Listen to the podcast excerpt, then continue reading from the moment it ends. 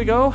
Off the rails. You don't, don't you know it's time to raise our sales? Nei, det er ikke Super Mario-podkasten. Det har vi snakka nok om i forrige episode, men det er Crossover Gaming, episode 105, med meg, Ingar Takanobu Hauge. Og med meg i dag har jeg, eh, som eh, vanlig, har jeg lyst til å si, når de har fått to ganger på rad, Jon Edvard Genius. Ja, altså jeg er jo liksom programleder, så jeg burde jo være relativt fast, egentlig. Det. Ja, ja, ja, det, men eh, det, det er liksom det som er fordelen med at nå er vi flere programledere. Da kan vi veksle litt på det. Og da passer det seg jo greit at Peter ikke er med. Ikke fordi at vi ikke er glad i han, men uh, fordi han hadde ei travel uke, og det er noe som heter kvalitetstid med sin bedre halvdel. Og det støtter vi. det er viktig. Ja, det er veldig viktig. Ja, hvordan går det, Jon Edvard? Jo, det er jo eh, Det er fint. Det er her, i hvert fall her på Vestlandet så er været er temperamentsfullt og går fra strålende sol til i dag, Nå ser jeg på en strålende solnedgang, men i dag har det vært hagl, det har vært snø, det har vært regn. Så det er ja, vestlandssommer. Ja, Eh, Mangler bare jordskjelv og tornado, og så på toppen av det hele så har Oh, du liksom yes. dekka hele spekteret, tenker jeg. Og ikke noe bedre her i Oslo heller, liksom. Det det er sånn så, så, så det klassiske memet med den her ugla som står i vårsola og bare It's spring! Og så får han masse snø på seg. Nope! Definitivt. Så det Nei, det var Men ellers, eh, jo, livet er bra. Det er liksom eh, På jobben jeg jobber så mye som arrangementstekniker, og nå begynner det å bli sånn mai er høysesong, så du begynner å lade opp til det. Så det begynner å bli travelt både på jobb og på andre steder. med Skal jo på konfirmantleirer og driver med sånn godhetsdag og sånn i kirkeverden. Og så er det masse gode spill som kommer ut, så spillverden det, det er travelt, men det, det, det er sånn vi liker det. Ja da, det er godt å ha litt å henge fingrene i, tenker jeg. At vi slipper å gå arbeidsledige. Det har vi gjort nok av i to år med pandemi og alt, så Absolutt. ja da. Ja, Du, ja, du eh, da, Ingar? Jo, det putter og går, bortsett fra en vond korsrygg. Så eh, går det egentlig stort sett veldig greit. Det, vond rygg det går igjen i Hauge-klanen, så det er ikke noe nytt og så veldig spennende. uh, og, men og det ble jo ikke bedre av at vi var hos eh, svigers for å feire 60-årsdag til svigerfar eh, til helga og spilte padeltennis. Uh, for det er Oh. veldig gøy. Uh, Ja. Men da er det jo veldig mye bøy og tøy og plukke opp ball og strekke deg og slå en racket, og så kjenner du i ryggen at ja, der eh, strakk jeg et eller annet jeg ikke skulle ha strukket. Ja, du kjenner akkurat etterpå Ja, det der skulle ikke jeg ha gjort. Ja. Men moro var det lell, da. Ja. Uh, ja. Uh, og ellers så har jeg jo um, nå siden sist vi spilte inn episode, så har det jo òg nå eh, blitt annonsert noe som jeg jo teasa for et par episoder siden, nemlig en eh, ting som jeg skal gjøre i sommer. For i sommer så skal jeg eh, ha gleden av å delta på det som heter UL, eller eh, også kjent som Ung landsmøte, som da er om ikke det største, så iallfall et av de største arrangementene i Norge eh, for eh, kristne ungdommer. Eller eh, det blir litt feil. Det er et, et av de største kristne arrangementene for ungdommer. sant? ja, nei, ja, ja. Man, man må ikke være truende for å delta, for å si det sånn. Så det var derfor jeg måtte stokke litt om her. Mm. Eh, Men eh, UL det er i alle fall noe som foregår hver sommer, og i år så er det vel 12. til 15. juli, om jeg husker riktig, i Eh, Stavanger. Ja, eh, og da har jeg gleden av at jeg skal komme dit og snakke om spill. Eh, Så det er jo veldig artig. Jeg skal snakke om eh, kristen tro og gaming, eller eh, Pray and Play, som jeg har valgt å kalle seminaret. Men, men det, det du har gjort her, Ingar, er at du har jo da eh, tjuvstartet kunngjøringsspalten med første spillkunngjøring i at Ingar skal snakke om spill på UL, rett og slett. Det, Ja, eh, ja, men eh, altså Gratulerer, da. Jeg har, jeg, så, jeg har sett det på Facebook. Og, men altså, så stas! Mm. Og det er jo ikke få som kommer dit heller, så- så det er jo litt skummelt på ene sida. Men jeg sier så Pippi at uh, holde seminar på UL det har jeg aldri gjort før, så det klarer jeg helt sikkert. Det er direkte sitat fra Pippi. eh, ganske Ja, helt, helt direkte sitat. Du kan finne det hos Astrid Lindgren. Astrid Lindgren visste veldig godt hva UL var for noe. Så. Absolutt. Men, men da må jo, for de som husker 100, episode 100 her, Du må jo ha på deg T-skjorten fra episode 100. Her må det reklameres. Ja, ja, ja. ja. Det, det, det, det er stille med blazer og T-skjorter med ypperste prest og voldelig jazzballett, og så får vi se om eh, det, det, det pleier å være en, og to aviser til stede på disse seminarene, så hvis noen ser den, så kan det jo bli en interessant headline. Uh, Ja. får se. Spennende. Jeg, jeg gleder meg til å høre eventuelt hvordan det gikk i etterkant. Det, Ja. Du, jeg, jeg, skal jo jeg skal se om eh, det eventuelt lar seg gjøre å ta opp det Ja. som blir holdt der. Så da mm, kan det jo kanskje hende at det blir en bonusepisode. Vi får se hva som eh, lar seg gjøre. Det er jo litt spennende.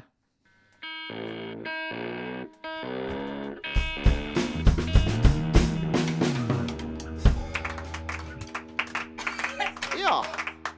Eh, himmelsk lyd fra ungdommene. Eh, nå er det ukens kunngjøringer. Fra de mer lokale kunngjøringene så skal vi gå over på litt mer sånn vanlige, kjente kunngjøringer i den litt større spillverdenen. Um, litt roligere tid på året akkurat eh, nå. Folk flest er vel liksom opptatt med å få ut uh, ulike spill. Men uh, når vi bare gir ut episoder annenhver uke, så samler det seg opp litt likevel. Så det er jo veldig kjekt sånn sett. Um, først så kan vi, vi begynne sånn noenlunde kronologisk og ta for oss Suicide Squad, som da har blitt utsatt eh, igjen. Igjen. og um, det er Det humper og går med dette spillet her, og den utsettelsen som var rykta, den viser seg nå å stemme, og det er ikke en liten utsettelse heller. Det blir utsatt fra mai 2023 til februar 2024. Ja, og det skulle vel opprinnelig komme ut mars i år, så det er vel eh, det er Da er vi på nesten et år utsettelse her, ganske på rappen. Mm. Og det var jo òg et håp om 2022. og altså Det er klart at veldig mye som har blitt utsatt fra 2022, har jo ikke med pandemi og sånt å gjøre. Og det er jo veldig forståelig, men du merker på en måte at de effektene stikker jo fortsatt, da. Ja, absolutt. Men- og, og, og, og Arkham Knight, så det var det forrige spillet som Rocksteady ga ut, det var vel 2016? 15. 15, ja. Så ble, og så har vi litt sånn ryktede kanselleringer innimellom der. Men det er, vi begynner da å nærme oss ti år siden Rocksteady har gitt ut spill. Mm, faktisk. Det mm, pusher det farlig nært, for å Ja, si det sånn. Og det mm, kan Warner Bros kan umulig være glad for det. Sist jeg sjekka, så er de glad i penger, så Ja, og, de, og på en måte Og når de da og gjerne da Det er vel kanskje derfor det ble utsatt, for de vet at per nå så er ikke Suicide Squad den, the grand return of Rocksteady, akkurat. Nei. Og det har jo veldig mye med hvordan på en måte spillet har vist seg å bli presentert. Uh, der vi jo kanskje hadde et håp om å få mer av den der klassiske Arkham-magien, bare nå med en uh, gjeng antihelter. Så har jo da spillet Det lener mot å bli en slags Games as a Service-type ting, med mye fokus på mikrotransaksjoner og lignende. Og begynner jo da å nærme seg farlig nær Marvels Avengers. Um, noe som jo da er interessant, for at du var jo en av de som jo forsvarte litt Marvels Avengers. sånn Rent sånn spillmessig, i alle fall. Absolutt. absolutt. Jeg var nok eh, Altså Hvis du skal liksom se på det generelle spillverden, så var nok en av de mer positive om Avengers. Eh, hvor jeg synes det var et greit og godt spill. Ikke at det var eh, en, eh, den, den største gaven spillverden hadde fått på noen år, men jeg er jo Og selv jeg er jo litt sånn skeptisk til Suicide Squad. Eh, og på en måte Og jeg jeg synes jo det Altså, jeg lurer på hvor lenge dette spillet har vært i produksjon. Hvor liksom satt WB og så på Avengers og tenkte det er da en god idé. Og så når du da ser at Avengers, som da per nå i hvert fall er jo en av, en av superheltverdens største franchiser, når de ikke får det til ja, Jeg vet ikke. på en måte Jeg, jeg var fan av Avengers. Det funket godt nok. Eh, Suicide Squad kjenner jeg på at dette her eh, ja, vi, vi, vi, mm, ja, vi, vi får se. Vi får se. Og det, og det som jo er litt sånn interessant i dette her, er jo det at eh, det er jo ikke så lenge siden uh, du fikk et uh, Batman Eller et DC-spill som på mange måter la opp til at det kunne ha vært et sånn type Games as a Service-spill, og det var jo Gotham Nights. Uh, og så plutselig så var ikke det så Games as a Service i likevel. Eh, og da er det jo litt sånn Hva, hva skjer eh, i det, dette her, lurer en jo da på. Altså, og mitt spørsmål blir på en måte også, igjen, For her er jo det, det er jo WB som har eh, gitt ut, altså, gitt ut begge disse to. Og på en måte og, på, en sånn der OK, vi skal gi ut én multiplayer med Gotham, Gotham Nights, og på en måte jeg vet ikke, To halvdårlige ideer Eller ikke halvdårlige, jeg har ikke spilt Suicide Squad eh, eller Gotham Nights, faktisk. Men det er liksom Er det ingen som tenkte at Vent litt, disse er litt like i konsept? Eller, jeg vet ikke det, det, Jeg er litt eh, bekymret for valgene som Warner Brothers gjør her. Og jeg er egentlig mest bekymret for Rocksteady, og på en måte hva skjer da etter Suicide Squad. Mm, ja, det er, jo, det er jo absolutt det som er bekymringa her. Jeg tenker jeg at Vi vet jo at Rocksteady kan lage fryktelig gode spill. Eh, og hvis de da blir pusha i en retning som de i utgangspunktet ikke eh, lysner på, så Og denne utsettelsen her vil jo i utgangspunktet nok ikke endre retningen på spillets innhold i nevneverdig grad. Altså, det vil tatt mye lengre tid å omkode enn bare disse månedene her. Så det er ikke den biten der som eh, i utgangspunktet kommer til å forsvinne. Ja, og det jeg er litt redd for her, er at det de det, jeg vet ikke, det, Noe av det jeg tror skjer her, er at de har lyst på en ny markedsføringssirkel, rett og slett. De vil på en måte få glemt det, få en relansering, og håpe at de klarer å få noe mer goodwill enn det de har nå. Og, jeg, og for all del, finpussespillet, det tror jeg òg på, men det her tror jeg det handler om å prøve å ha tid til å snu bildet dette, dette spillet har fått i, i det offentlige lys. Så Warner Brothers de er litt sånn goodwill hunting, er det det du sier? Det Good Brothers Hunting. Ja. Da må de ringe Matt Damon og Robin eh, Williams, og det sistnevnte kan bli litt vanskelig, for han har vært Ja. død i noen år. ja, det er dessverre. Uff. Ja. Uff, ja. Eh, lystigere nyheter. Uh, eller uh, spørs om det er så lystig, det får vi jo vente og se. Uh, men jeg stokker litt om på rekkefølgen her nå, for å få en litt sånn samla kontekst. Men vi kan gå til Harry Potter-universet, for der er det kommet en spennende nyhet. Fordi en ting som jo flere savna i Hogwarts Legacy, både meg og Peter og ja, Jeg òg, jeg òg. Du òg, ja. Altså, en ting som jo de fleste av oss savna, var jo at det var ingen mulighet til å spille quidditch i dette spillet, eller rumpeldunk, som det jo heter så fantastisk på norsk. Uh, Mm. Elsker den oversettelsen, by the way. Uh, men eh, det viser seg at det er kanskje en grunn til det, fordi at eh, nå har igjen Warner Brothers kunngjort at Harry Potter Quidditch Champions er annonsert og kommer for PC og konsoller. Eh, litt sparsommelige på detaljene enn så lenge, men altså dette er jo sannsynligvis noe som blir over nett. Det Vi må nok muligens regne med en eller annen form for kosmetiske mikrotransaksjoner av et eller annet slag i dette her. Men dette kan fort bli en sånn eh, e-sport eh, Eller ikke e-sport-yndling, men en sånn online gaming-yndling som jeg tror absolutt har et potensial for seg. For at nå er det faktisk 20 år siden Harry Potter verdensmesterskapet i rumpeldunk ble lansert på GameCube og PlayStation 2 og Xbox og ja. Og det, og det var jo det sportsspillet meg og min far ble mest engasjert i noensinne. Var da rumpeldunk-spillet på Vi hadde PlayStation-versjonen da, men likevel. det er, Så jeg, jeg gleder meg. Men du er helt rett, denne her annonseringen var veldig vag. Så vag at når jeg så postene på, på sosiale medier, så var jeg ikke sikker på om det var til konsoller engang. For det var liksom bare et screenshot av en veldig sånn eh, eh, unnskyld uttrykket, Fortnite-aktig grafikkstil. Veldig sånn enkel og tegneserieaktig. Men så er det jo sånn, ja, dette, for det har jo vært en del Harry Potter-mobilspill, og dette var den rekken. Men så er det da til konsoller, som jeg er veldig glad for. Og kanskje den eh, litt mer simplistiske stilen gjør at nett, nettopp er mer vennlig for f.eks. e-sportmarkedet, eller i hvert fall online on, online-markedet. da, Så det er en god nyhet, men jeg, eh, jeg observerer mer enn gleder meg per nå. Ja, ja, ja. Det, og det tenker jeg er veldig lurt. Altså, Vi har jo ikke sett noe fra selve spillet, så her er det lov å stille seg litt tilbake og vente, være avventende. Men bare det å faktisk få et eget spill dedikert til rumpeldunk, tenker jeg at det Jeg ser absolutt markedsverdien i dette her, og tenker at det blir dette bra, så kan det fort bli veldig gøy. Så det, jeg har definitivt tenkt å sjekke det ut ved lansering. Absolutt. Og det er jo litt sånn unikt, fordi at jeg føler at ganske mange lisensspill har gått over til å ent, altså ha de store eh, open world-spillene, og ikke så mye mer, egentlig. på en måte, Mens på en måte før hadde du liksom Spiderman pinball og eh, Altså, du har liksom fortsatt Svampebob Racing, på en måte, men det, men det å på en måte ta en del av verden og på en måte å gjøre dette Det er litt mer old school lisensspill, føler jeg, og det, er- jeg er ikke imot det.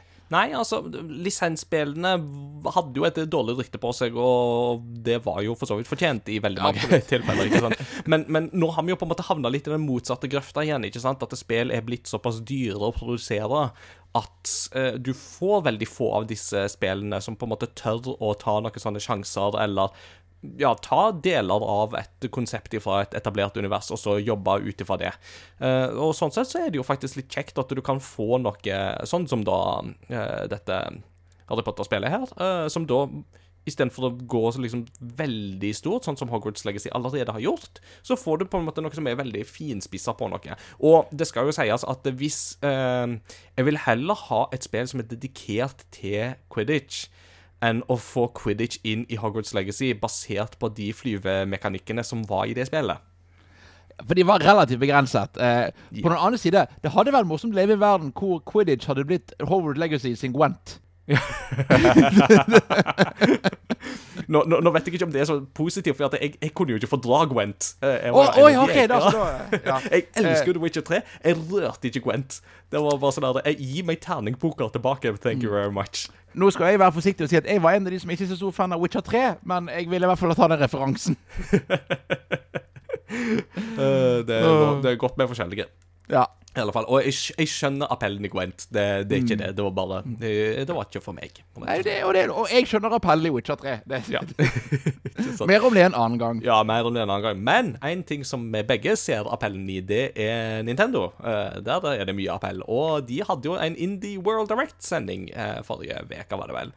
Som eh, inneholdt litt forskjellig. Jeg må innrømme at eh, for min egen del så var det ikke den sendinga som liksom pirra nysgjerrigheten min aller mest.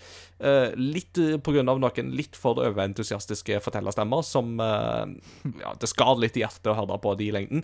Men det var et par eh, artige ting som ble vist, iallfall, og jeg har tatt ut noen av mine høydepunkt. Um, Rift of the Necrodancer fikk vi se litt mer sånn skikkelig av. Det er jo da det neste spillet fra eh, de som har laga Crypt of the Necrodancer, eh, som jo òg da fikk sin uh, Zelda-spin-off Cadence of Hyrule. Uh, og Rift of the Necrodancer, da er det mer sånn Guitar Hero-aktig sånn plekter som du ser, og skal drive med litt sånn rytmekamper mot bosser og litt sånn. Veldig i min gate, og ja. Det um, har ikke fått en dato ennå, men 2023 eh, var iallfall det de snakket om.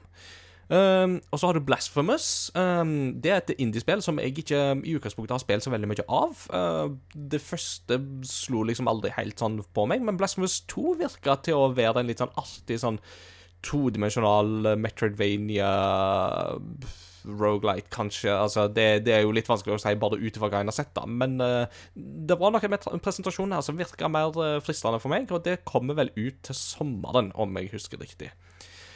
Og så har du Shadows of the Loathing, eh, som da er um, oppfølgeren til West of Loathing, eh, som jo var et sånn her westernspill med strekmenn og bisarr humor.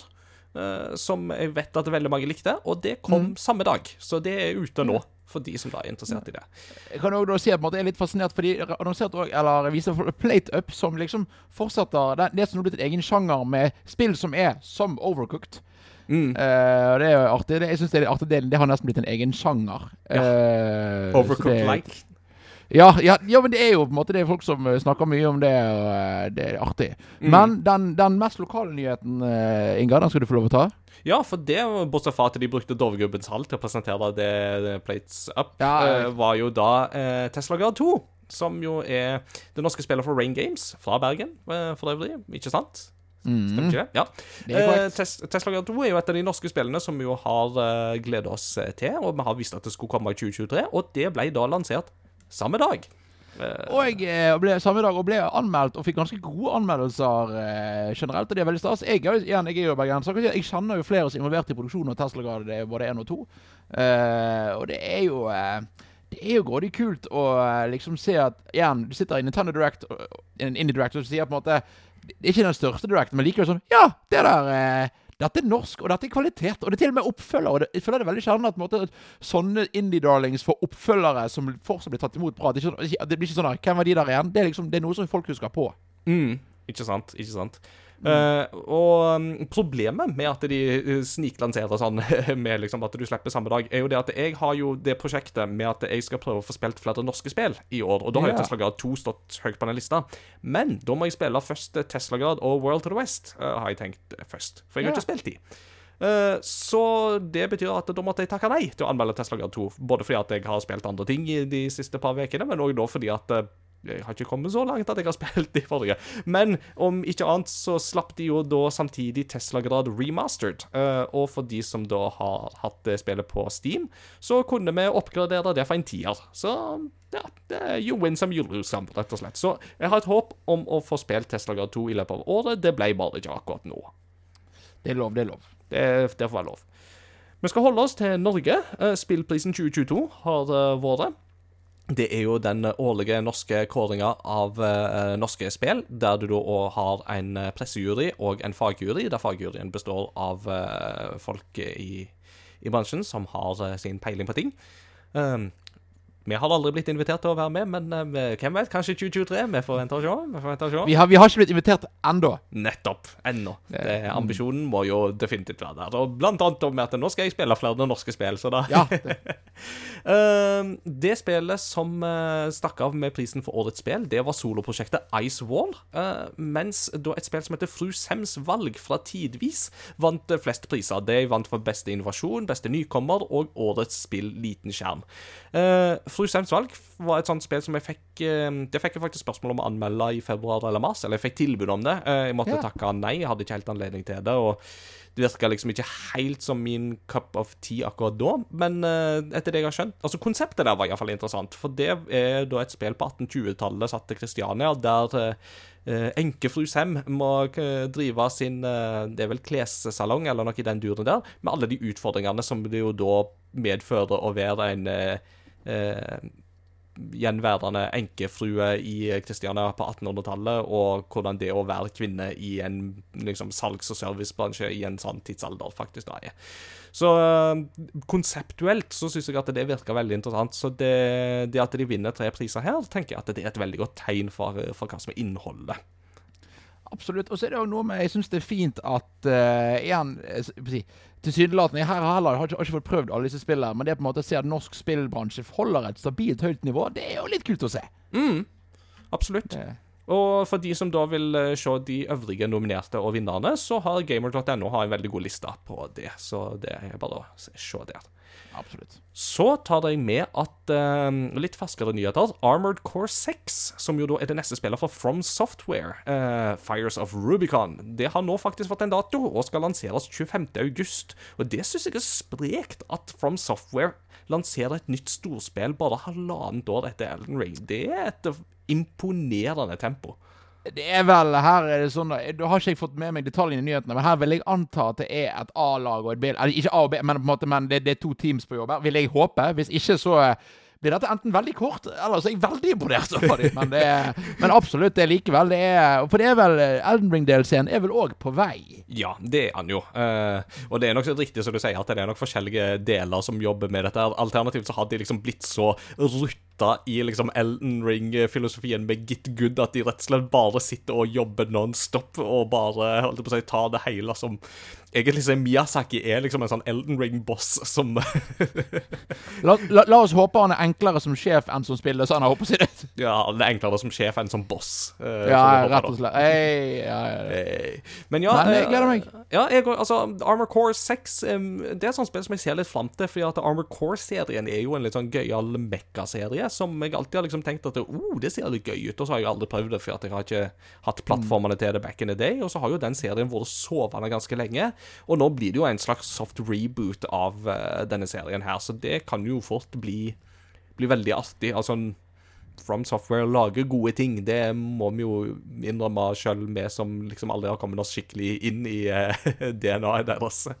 Det er absolutt. Men øh, så er det litt sånn fordi at eh, Armored Core altså, eh, Det er vel i hvert fall ti år siden det kom ut et Armored Core-spill, ikke det så? Jo, det er godt over ti år siden. Det var på Xbox 360 eller noe sånt. Kanskje. Eh. Ja, på en måte.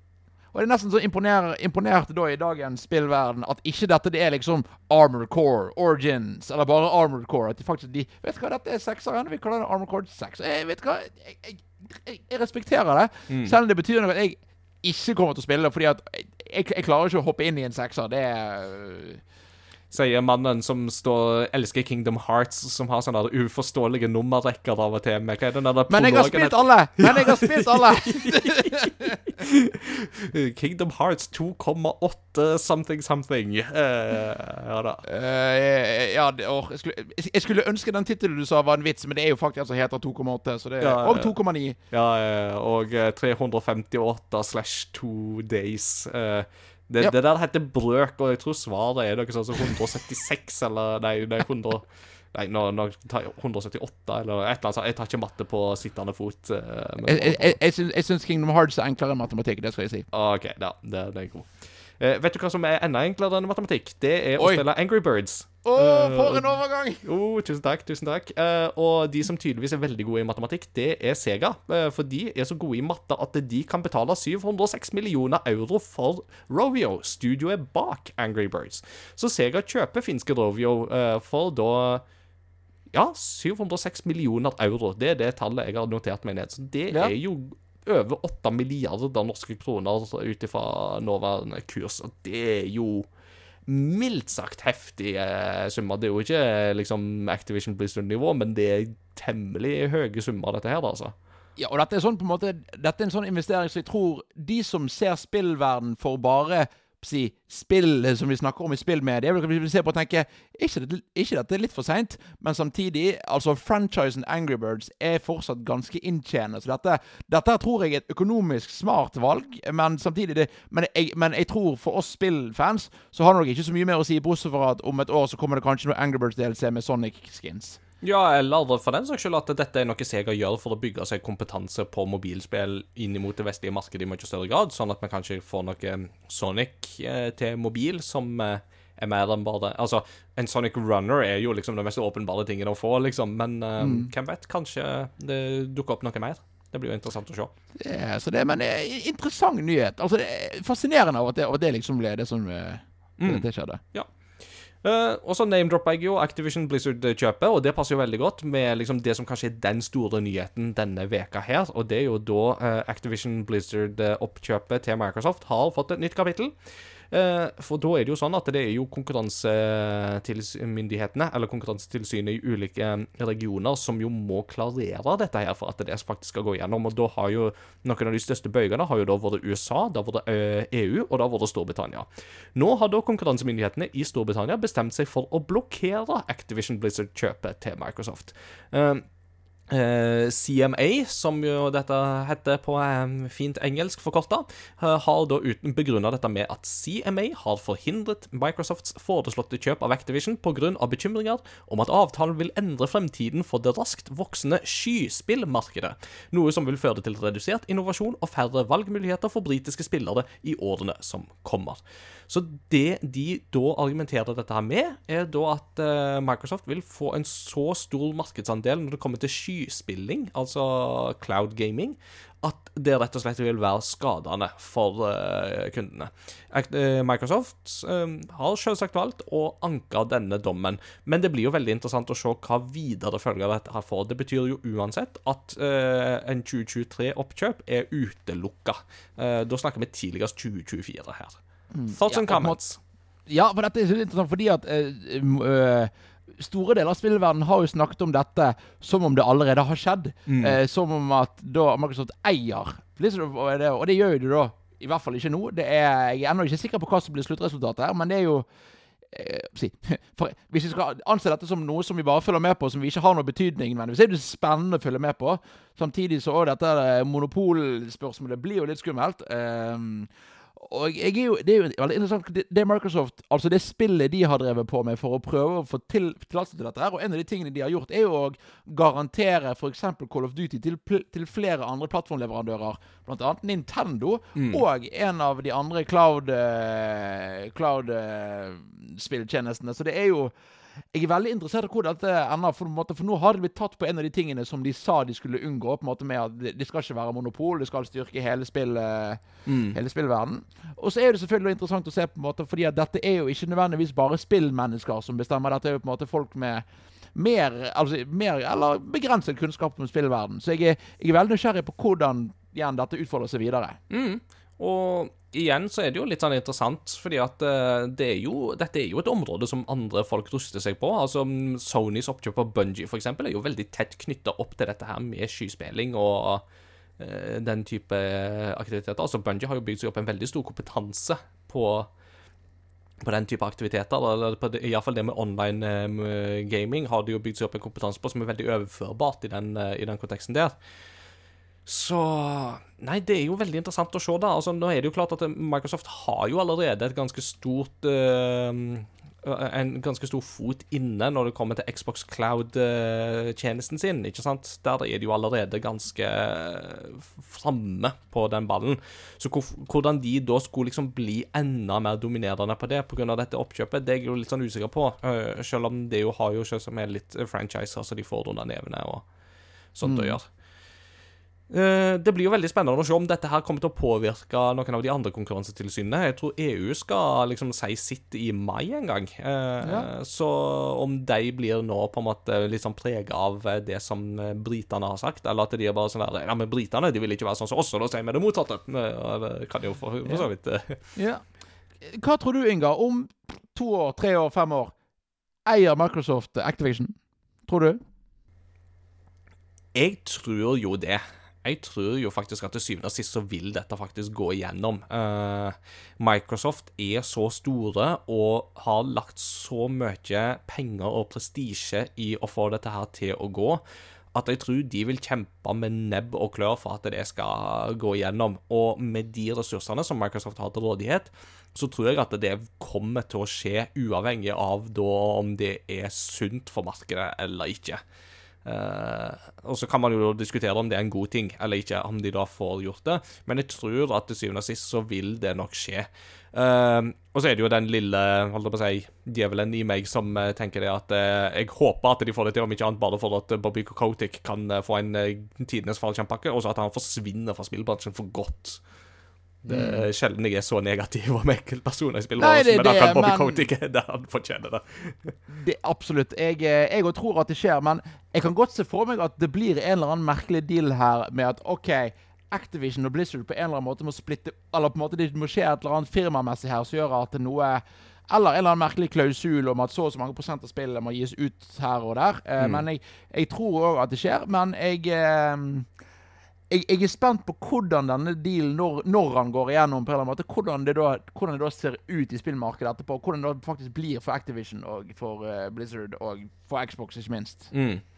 Og det er jo klart at denne her tiårsavtalen om uh, Call of Duty på Nintendo-plattformer er jo på en måte en interessant take i seg sjøl? Men så er det jo også spørsmålet med hva vil eh, Sony svare med på den måten der? Altså, de har prøvd seg på å lage type skytespillfranchiser eh, tidligere med å lage f.eks. Killzone og Resistance og de seriene der, og det er jo ingen av de som eksisterer lenger, for at de klarte aldri å på en måte konkurrere med det som var den største konkurrenten på det, på det tidspunktet, som jo var Halo. Mm, ja, og spørsmålet også, på en måte fra Nintendo sin side, eller på Activision til Nintendo, er ok, hva får de? Får de en cloud-versjon? Får de Call of Duty Mobile? Liksom, altså, eller en, en, versjon av det? Og hva, hvor, si, hvor god deal er dette for Nintendo egentlig? Men altså, Call of Duty betyr penger, så det er jo en god deal. Men sånn spillinnholdsmessig, hva er det de faktisk får her? Og hvor mye av dette er kunne si det for å da kunne få lov å kjøpe, kjøpe Activision for å få god vilje? Mm, ikke sant. Siste ord er garantert ikke sagt i denne saken. Det er jo bare Dette bare, betyr bare at the saga continues. Og... Jeg gleder meg til boken om dette. her. Dokumentaren på Netflix eller oh, eller yes. Apple Plus-filmen. Dette kan mm. uansett bli et høydramatisk drama å følge med på framover.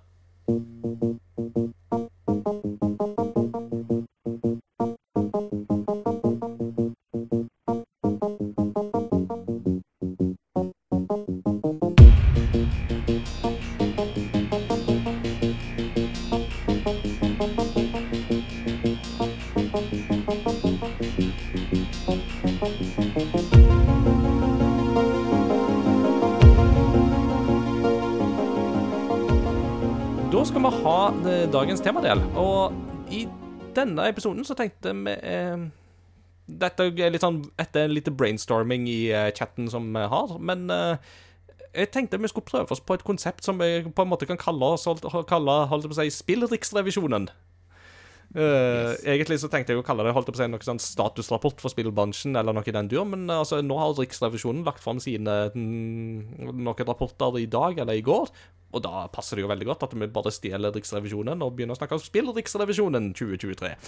Eh, tanken med dette konseptet her er at nå skal vi ta oss og stikke fingeren litt i jorda eller opp i lufta.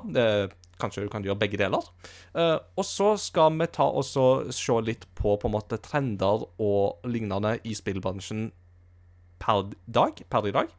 Og så skal vi komme med liksom, hva er det hva er det som skjer nå som vi liker godt? Hva er det vi er liksom optimistiske til? Og hva vil vi si er de mer negative trendene som vi ser akkurat nå? Så dette er en litt sånn um, Gi oss gjerne tilbakemeldinger på om dette er noe som er interessant, og noe vil at vi skal gjenta det til neste år, eller allerede til høsten, eller lignende. Så gi oss gjerne tilbakemeldinger i uh, sosiale medier, som du finner lenke til på crossovergaming.no. Så, uh, Jon Edvard. Uh, for min del i alle fall, så har jeg liksom tenkt å prøve å koke dette her ned til på en måte tre punkter på liksom tre pros og tre cons for min del. Men uh, dette du, du, du, må ikke binde deg til de reglene der. Mm. Men uh, la oss begynne liksom litt i det positive sjiktet. Vi har jo litt lyst til å på en måte snakke Vi vil jo snakke opp litt ting, eh, både i bransjen og sånn generelt her i livet. Så Jon Edvard, hvis du skal på en måte trekke fram noen positive trender i spillbransjen eh, våren 2023, hva vil du si er på en måte positivt akkurat nå? Eh, det jeg vil liksom si at Og igjen, dette blir jo litt Selv om det handler om spillbransjen, så blir det òg fra sitt eget synspunkt, og vi oppfatter gjerne alt forskjellig. Men det jeg liksom føler som jeg oppfatter mer og mer som positivt, det er liksom at uh, de spillene som får oppmerksomhet, føler jeg på en måte blir mer og mer variert. Og det, igjen, og indie blir mer og mer vanlig. Og at det blir Altså, min indie får større og større plass i casual-spillverden, på en måte. Og eh, igjen, blant annet fordi pandemien er ferdig. Folk er sultne etter litt sånn co-op-spill, og da er det indie-verden indie som leverer det. Så flere og flere eh, mindre spill får større fokus, og har liksom har samme plassen som de store trippel A-spillene. Og det er noe som det er ikke noe som begynte i år, langt ifra, men det er en fortsettende prosess som iallfall jeg eh, er veldig glad for. Så det er liksom den største positive tingen om selve spillet. Mm. Uh, jeg vet ikke om du er enig med det, Ingar? Det sa du har samme inntrykk? Jo, altså det Indiespill har jo ofte en tendens til å komme og gå litt i bølger og litt sånt, og hvor godt de slår igjennom og ikke, er jo veldig variabelt. Men du har jo hatt noen veldig suksessrike titler de siste årene. altså bare liksom Among us ble jo liksom en kanonhit lenge etter at det i mm. utgangspunktet var lansert, og et spill som Fall Guys for eksempel, også kom jo litt sånn ut av intet og ble jo en smash-hit, fordi at det, Litt sånn fordi at disse spillene treffer litt sånn på timinga, ikke sant. Men, men, men, så er det jo noe med at disse spillene da eh, genererer en positiv oppmerksomhet rundt eh, spillbransjen langt på vei, som eh, jeg tenker er en veldig positiv eh, ting. Og det vil jeg kanskje trekke fram som min liksom, number one i dette her, er jo det at eh, jeg tror flere får øynene opp for at spill er noe positivt. Mm. Det positive er at folk syns at spillet er positivt. Yeah. Uh, og, og, og, der er jo faktisk kanskje pandemien noe som kan trekkes inn som uh, en årsak, med at uh, mange foreldre skjønte kanskje i større grad da hvor viktig spill faktisk var, ikke bare som en aktivitet, men også som en sosialiseringsarena. Eh, og at det var Eh, et viktig virkemiddel for å være i kontakt med venner, men òg fordi at det ga noen sånne fine avbrekk fra det som var en ganske tung hverdag for ganske mange på det tidspunktet. Og det tror jeg vi både meg og deg kan ha eksempler på med at du i sommer skal eh, på UL og prate om spill. fordi at igjen, eh, verden Og jeg har jo òg i, i, denne våren her fått lov å ha gamingkonfirmanter i kirkene på Askøy. Så betyr det at folk får med seg at vent litt, dette er noe som, det, dette er blitt en del av kulturen vår. Dette må vi på en måte, dette må vi ta litt på alvor. Og det er, det er en veldig god ting. Mm, mm. Og når det gjelder da indie-scenen, så er det jo spennende ting som skjer der. Altså Bare det at uh, nå er jo Tesla Grad 2 ute, ikke sant, som jo er en veldig spennende ting og uh, vi vet jo òg at Vikings on Trampolines er jo på vei og virker jo til å få en veldig god blest. ikke sant? Og dette er jo bare de norske eksemplene som vi bare da mm. skyter ut i farten. Uh, så Viking on Trampolines som utvikles rett ca. der borte over fjellet fra der jeg sitter. Yes. som, som, som, jeg pleier å si, at det er mm, altså Dpad Studio de holder til et uh, veldig, veldig godt steinkast ifra der mamma og pappa bor. Uh, da forutsatt at vinden blåser i riktig retning, og det gjør han jo stort sett alltid på Vestlandet. Uh, så man kan på en måte si at de er naboer, i den forstand at innenfor en radius på én kilometer er nabo, men altså på en bygd på Askøy, så er det det. Altså, da har du ikke ja, så mange, da, jeg, det, har ikke så mange hus imellom. Som askeværing, jeg, det, det, er godkjent. Det er godkjent. Ja, det, jeg er sånn her holdt jeg på å si, semi-Askøy-væring ja, som følge av um, Ja. Så man, man, man, blir ikke kvitt de røttene der uansett hvor mye man prøver. Så. Nei, nei, nei. Uansett hvor mye det blåser. Ja da, uansett hvor mye det blåser der inne. Uh, men uh, indie-spill er jo definitivt en um, ja, som du sier, ikke sant? Altså, det er jo noe som er med på å styrke variasjonen og mangfoldet i bransjen. Og, mm. og, og, og, jeg tenker jo da at da kan jeg pitche inn det som er min nummer to uh, i denne positive lista, nemlig GamePass. Um, jeg tror at GamePass har vært en veldig god kanal for en del indiespill som ikke hadde fått så mye oppmerksomhet uh, ellers. Men det at det er inkludert i GamePass, denne tjenesten til Microsoft, som jo bare vokser og vokser i på en måte det de tilbyr der av uh, utmerka titler. Og så får du da noen sånne indie-titler som lanseres her, og rett og slett bare får et mye større publikum. For at publikum er sånn ja, men det er jo inkludert. Jeg taper jo ikke noe penger på å laste ned og spille det. Og så får de en popularitet som jeg tror hadde vært veldig vanskelig for de eh, hvis ikke. Og så er jo GamePass litt sånn diskutabelt eh, med tanke på Ja, tjener de nok på dette her eller ikke? Men eh, den generelle tendensen som jeg oppfatter, og da særlig fra indie-markedet og de som er litt mindre, er jo det at eh, ja, det, det, for oss så var det utelukkende positivt.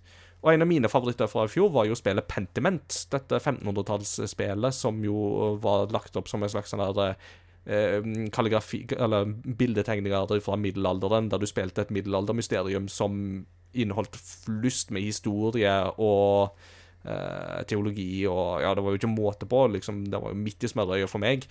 Men eh, da, da, var jo leading director i Obsidian sa jo det at hadde det ikke vært for GamePass, så hadde vi aldri kunnet lansert det spillet. Det har liksom vært vår Mm. på en måte eh, lille, lille sånn, på en måte hobbyprosjekt i mange år. Men uten GamePass hadde ikke Pentiment hatt et marked til å bli lansert. Men takket være GamePass, så ja. Ja, ja, men det er absolutt det er noe med, med på en måte den, den bredden det gir til, til mange. Eh, og det er på en måte en av disse Og flere, det er jo flere spillstudioer som har vært både positive og negative, men det er mange spillstudioer som har sagt at vi igjen, som du sier, denne, dette er en mulighet vi fikk fordi GamePass eksisterte. Så det er jo definitivt noe som eh, et godt eksempel. Noe som på en måte type PlayStation har jo gått litt etterpå med PlayStation Plus Extra og Collection og disse her og sånn. Så det, det er jo sånn jeg er nysgjerrig på hva utviklingen blir videre. For de har jo på en måte ventet til at på at PlayStation, eller unnskyld meg, på at spillverden skal bli eh, som TV-verden med streamingtjenester. Og vi er ikke helt der ennå. Men Apple eh, Gaming Eller Apple har jo sin egen eh, service. Vi har PlayStation Plus, vi har Xbox.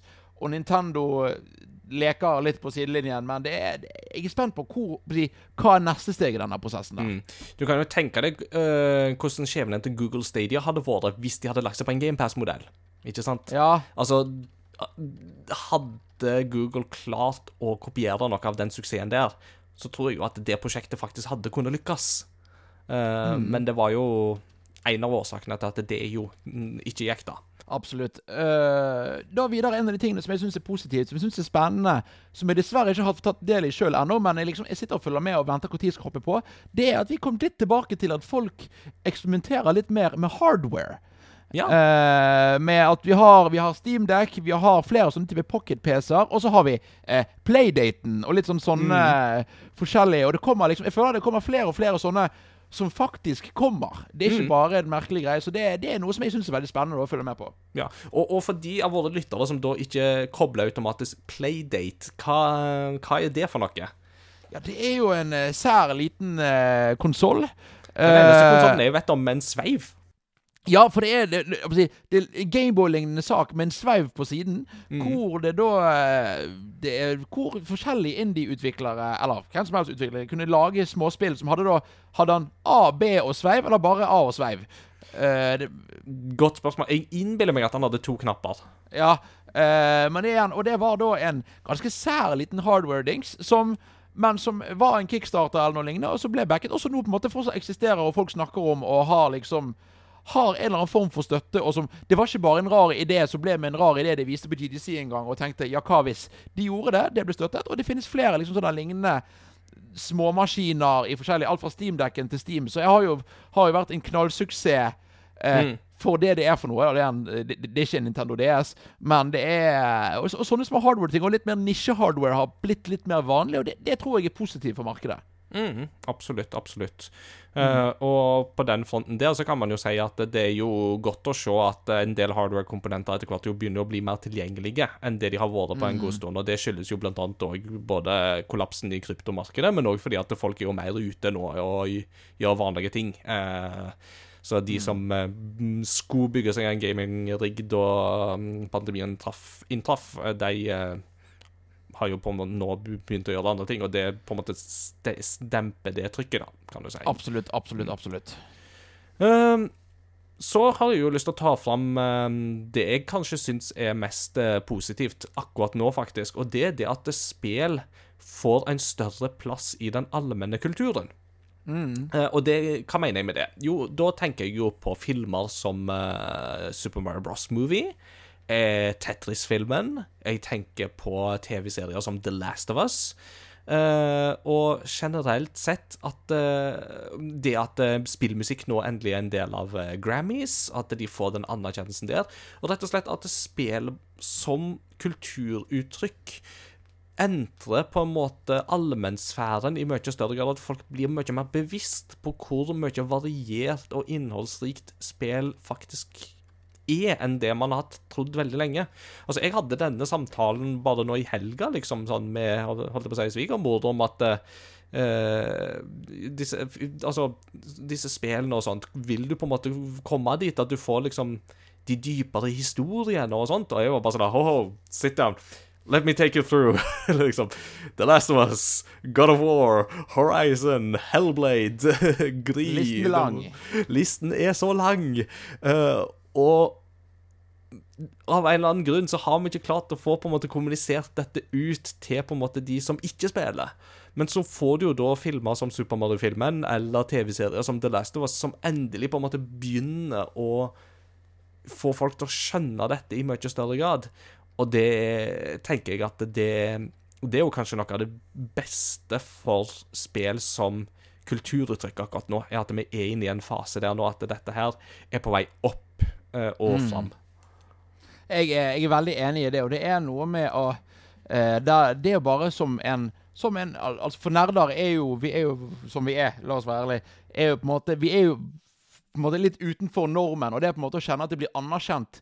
Og på en måte å si, «Ja, men dette er faktisk bra, og dette, liksom, dette har en verdi. Det er jo noe som eh, måte, er verdifullt å høre, da. Og det tror jeg eh, gjør på en måte at eh, igjen, de som ikke har spilt før, får en verdi i at de får prøve spill, oppleve spill, oppleve spillhistorier gjennom andre medier, som f.eks. med The Last of Us. Og for de som har eh, kanskje av en eller annen grunn opplever skam eller syns det er vanskelig å snakke om disse spillene, så blir det liksom Det blir ikke så stigmatisert. Jeg synes det er det, det er helt rett. Det, det er en av de største fordelene med på en måte sånn som spillverden ut, utvikler seg nå. Mm. Mm. Mm. Eh, min siste positive Jeg fikk, jeg fikk det til å være tre, jeg òg. siste positive, positive ting, det er det handler om at, og det er jo er denne trenden med at det er flere og flere som av de spesielt inn, inne i spillverden og spillutviklerverden og sånne spillindustrien, som nå er rundt seg, og vi har, det er mer den passe på hverandre, og hvis noe er galt, så sier vi ifra. Mm. Eh, vi hører flere og flere saker om at det er folk som ikke behandles godt i Forrige episode var det noe på GDC. Mm. Eh, og, på en måte, og det i seg sjøl er ikke en god ting at det skjer så ofte, men det at vi blir raskere og raskere og bedre og bedre på å si at Ei, dette er ikke greit. Og løfte opp at sånn skal ikke vi gjøre. Mm. Eh, og vi er på en måte med på en måte, Og det er jo en det er jo et negativt tema, men det at det faktisk på en måte vi, det jobbes for å nedkjempe det, det er jo en positiv ting. Så det er liksom min sånn siste er at vi er på rett vei med å faktisk sørge for at alle i dette mangfoldet i spillindustrien har det bra i spillindustrien. At ikke de blir, må bli dyttet ut fordi de ikke er velkommen eller ikke behandles godt nok. Mm.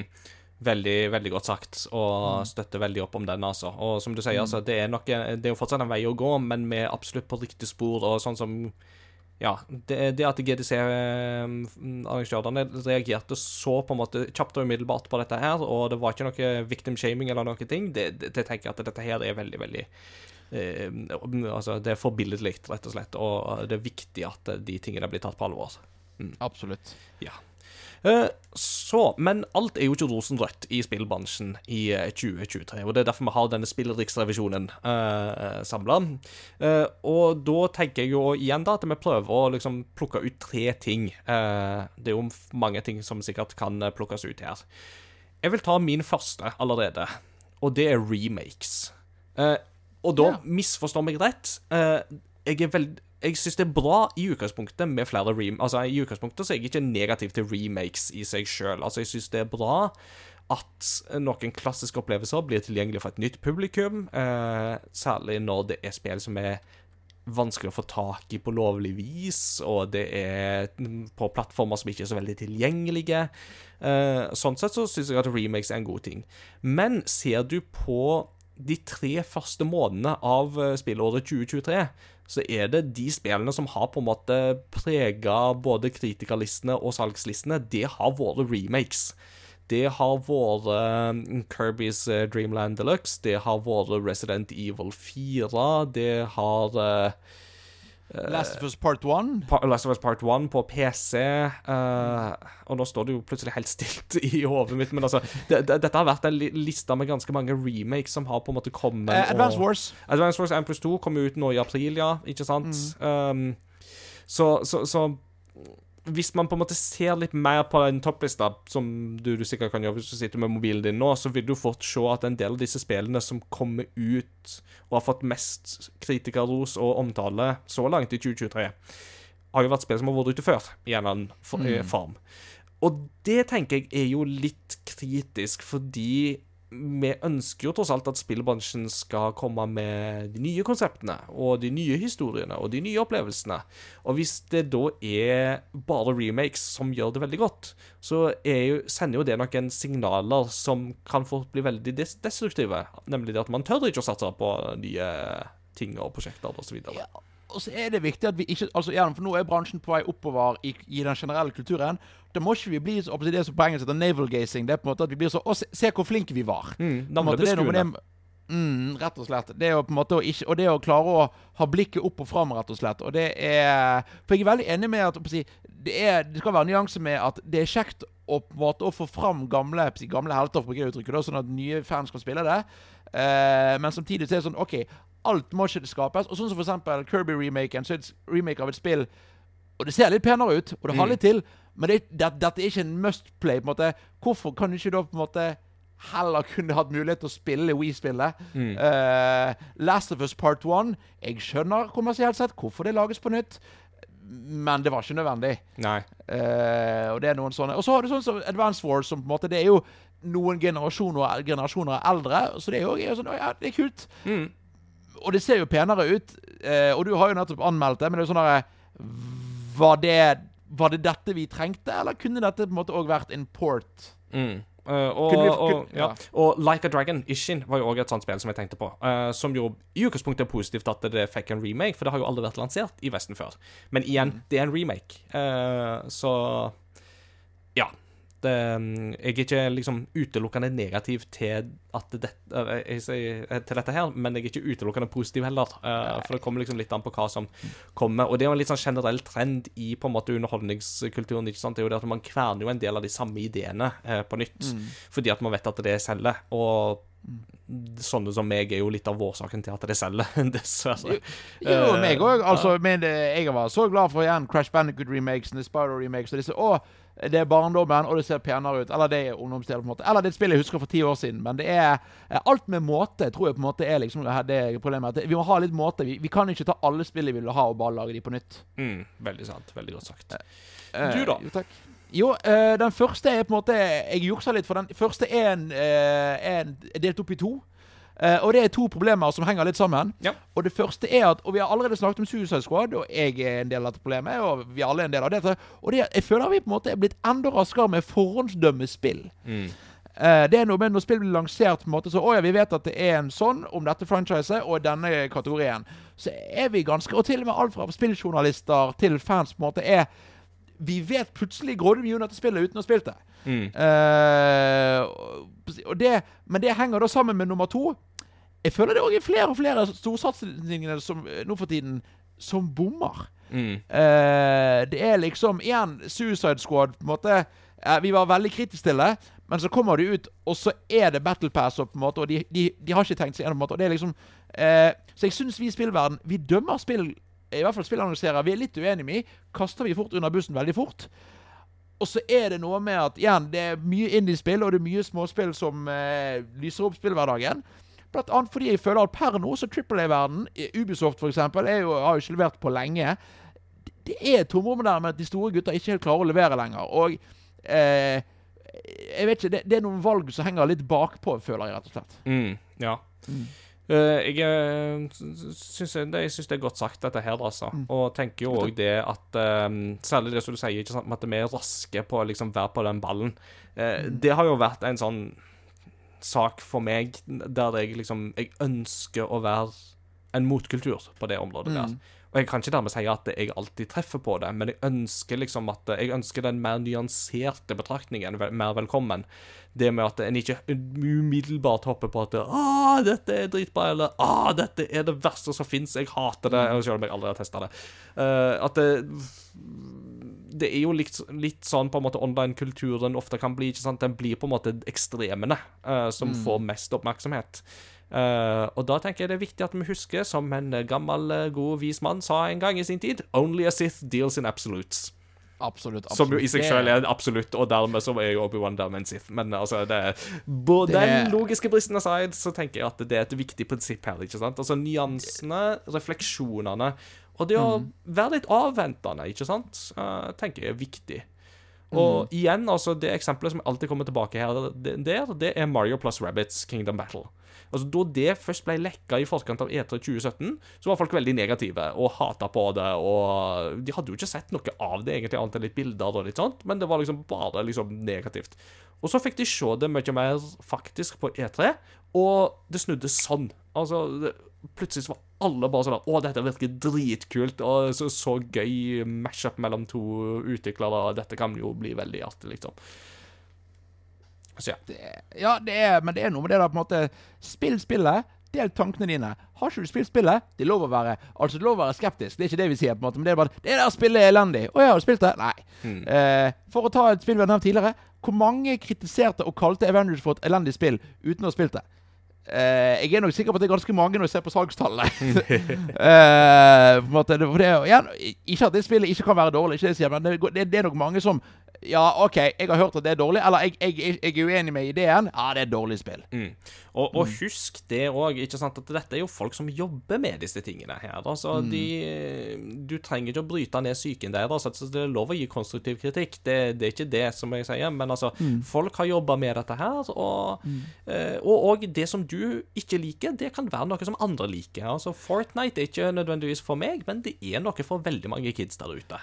Ja, og det er noe med det på en måte òg at det er folk som har laget dette. Og det, ja, det, det, og det er folk som digger disse spillene, og så gir de oppriktig glede.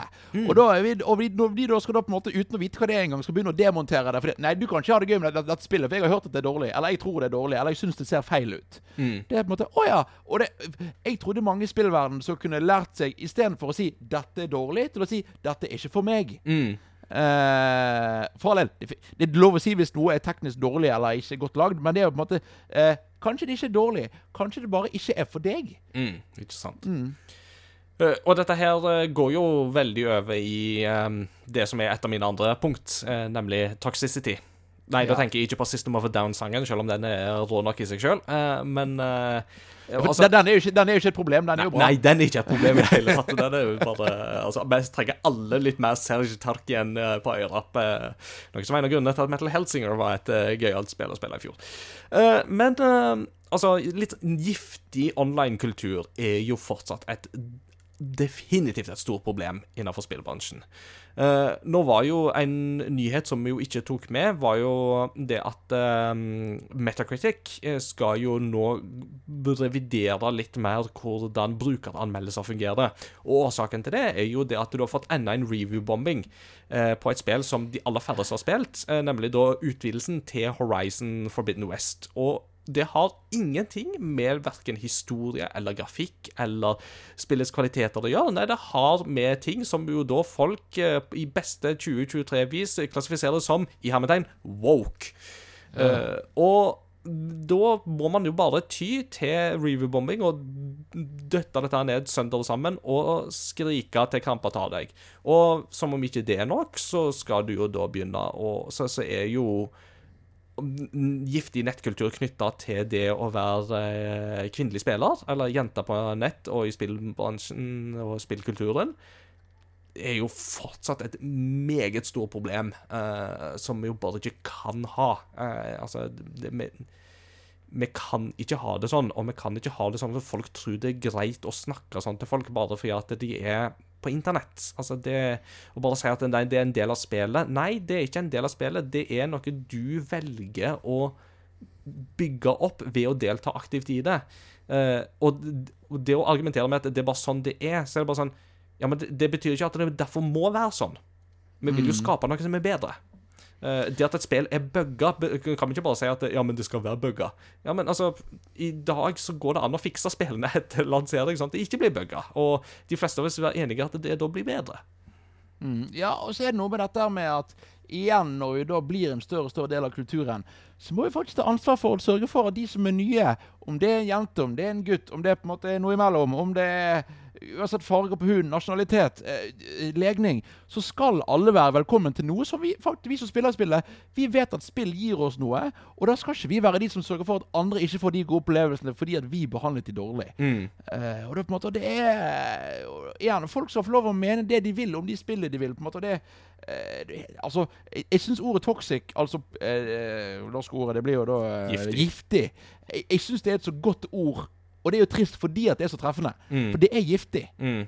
Jeg, jeg snakker jo mye om eh, Jeg har jo snakka litt om cinematherapy i det siste. eh, men Ja. cinematherapy de har jo um, et par episoder som jeg synes har vært veldig gode, der de snakker om hva er på en måte da motstykket til da, la oss eh, si, altså giftig maskulinitet.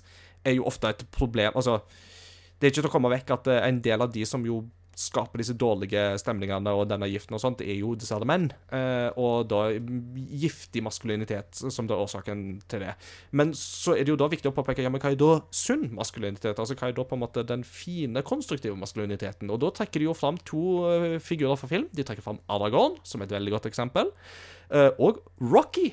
Eh, Som også er et veldig godt Ja. eksempel. Og det Og altså, Hadde du spurt meg for to år siden, så hadde jeg bare tenkt Rocky, hæ, er du svimmel? Men da, det var før jeg hadde sett Rocky-filmene. Og etter å ha sett Rocky-filmene, så er jeg veldig enig i dette her. At det, er, det handler om på en måte folk som ikke er redde for å på en måte vise sårbarhet, for å vise følelser, for å ta ansvar for sine egne handlinger og gjerninger, for å forbedre seg sjøl, altså at man ikke er perfekt, eh, og det at man generelt bare behandler de man møter, med respekt. Ja, og, det, og det jeg syns er fint med et sånt altså nå, og nå er vi litt utenfor gaming, det er på en måte med det at eh, For det er jo folk som oppfører seg maskulint, på en måte blir en del av problemet. Men heldigvis det, Altså, man kan være maskulin, og det er ikke det som er problemet. Det er bare igjen den toxic-delen. Det, er igjen- det å være omsorgsfull, det å være igjen passe på hverandre, det òg er å være maskulin. Så eh, gutter, vi kan være maskulin, men fortsatt være hyggelige gutter. Og det er jo vi aller fleste. Ja. Og da skal vi si nei til de som ikke er det. Altså, Hvis Rocky og Apollo Creed kan klemme hverandre mens de står på stranda i frolicking shorts i Rocky 3, da kan eh, vi menn òg vise andre vise følelser. Ja, det er godt sagt. Det er godt sagt. uh, Ja. Da mm, spiller jeg ballen videre til deg. Da, eh, Min nummer to det er en litt mer sånn nisjeting som jeg har eh, merket, og som eh, Dette er nok ikke et like stort problem, men det er noe, det er en sånn, kall det en pet peeve, eller noe som, som jeg, jeg er litt redd for at vi eh, si, eh, Det engelske uttrykket 'throw the baby out with the bathwater' eh, er at vi har hatt en ganske det, Og det er fortsatt en kamp mot crunch Ja. mot crunch-kultur. Eh, og det å bli tvunget til å sitte og jobbe 20 timer hver dag fordi at spillet skal bli ferdig. Um, men vi er nå kommet så langt at det kom litt fortellinger, eller fortellinger, historier og rapporter om folk som er flau for å jobbe ekstra fordi de vil. Eh, fordi at på en måte at man skal ikke crunche, punktum. Eh, og de som på en måte Og hva er crunch, hva er ikke crunch? Det er folk litt sånn blandet over. Noen bruker crunch som en ah, 'Jeg crunchet, og jeg fikk det til. Yes'.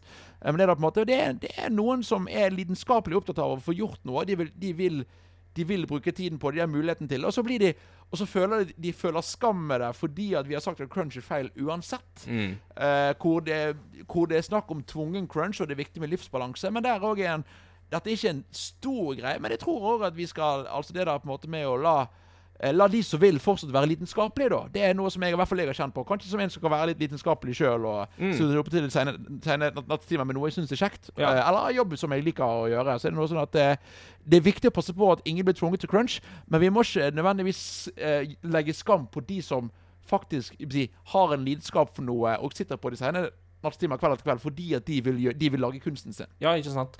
Og, og det, dette er jo et veldig vanskelig punkt å treffe en balanse på. Men altså, for de av oss som har vært studenter, så vet vi jo det at eh, det kommer liksom noen tider mm, der du må liksom sitte og jobbe litt sånn ekstra og sånt. Og da er det jo Noen jobber best når de liksom kan jobbe jevnt og trutt med en oppgave i løpet av et helt semester, og noen jobber rett og slett best med å på en måte jobbe de sene nattetimer og den slags type ting. Fordi at det er deres arbeidsmetodikk. Det er da de er i flyten, de er i sona, rett og slett. ikke sant?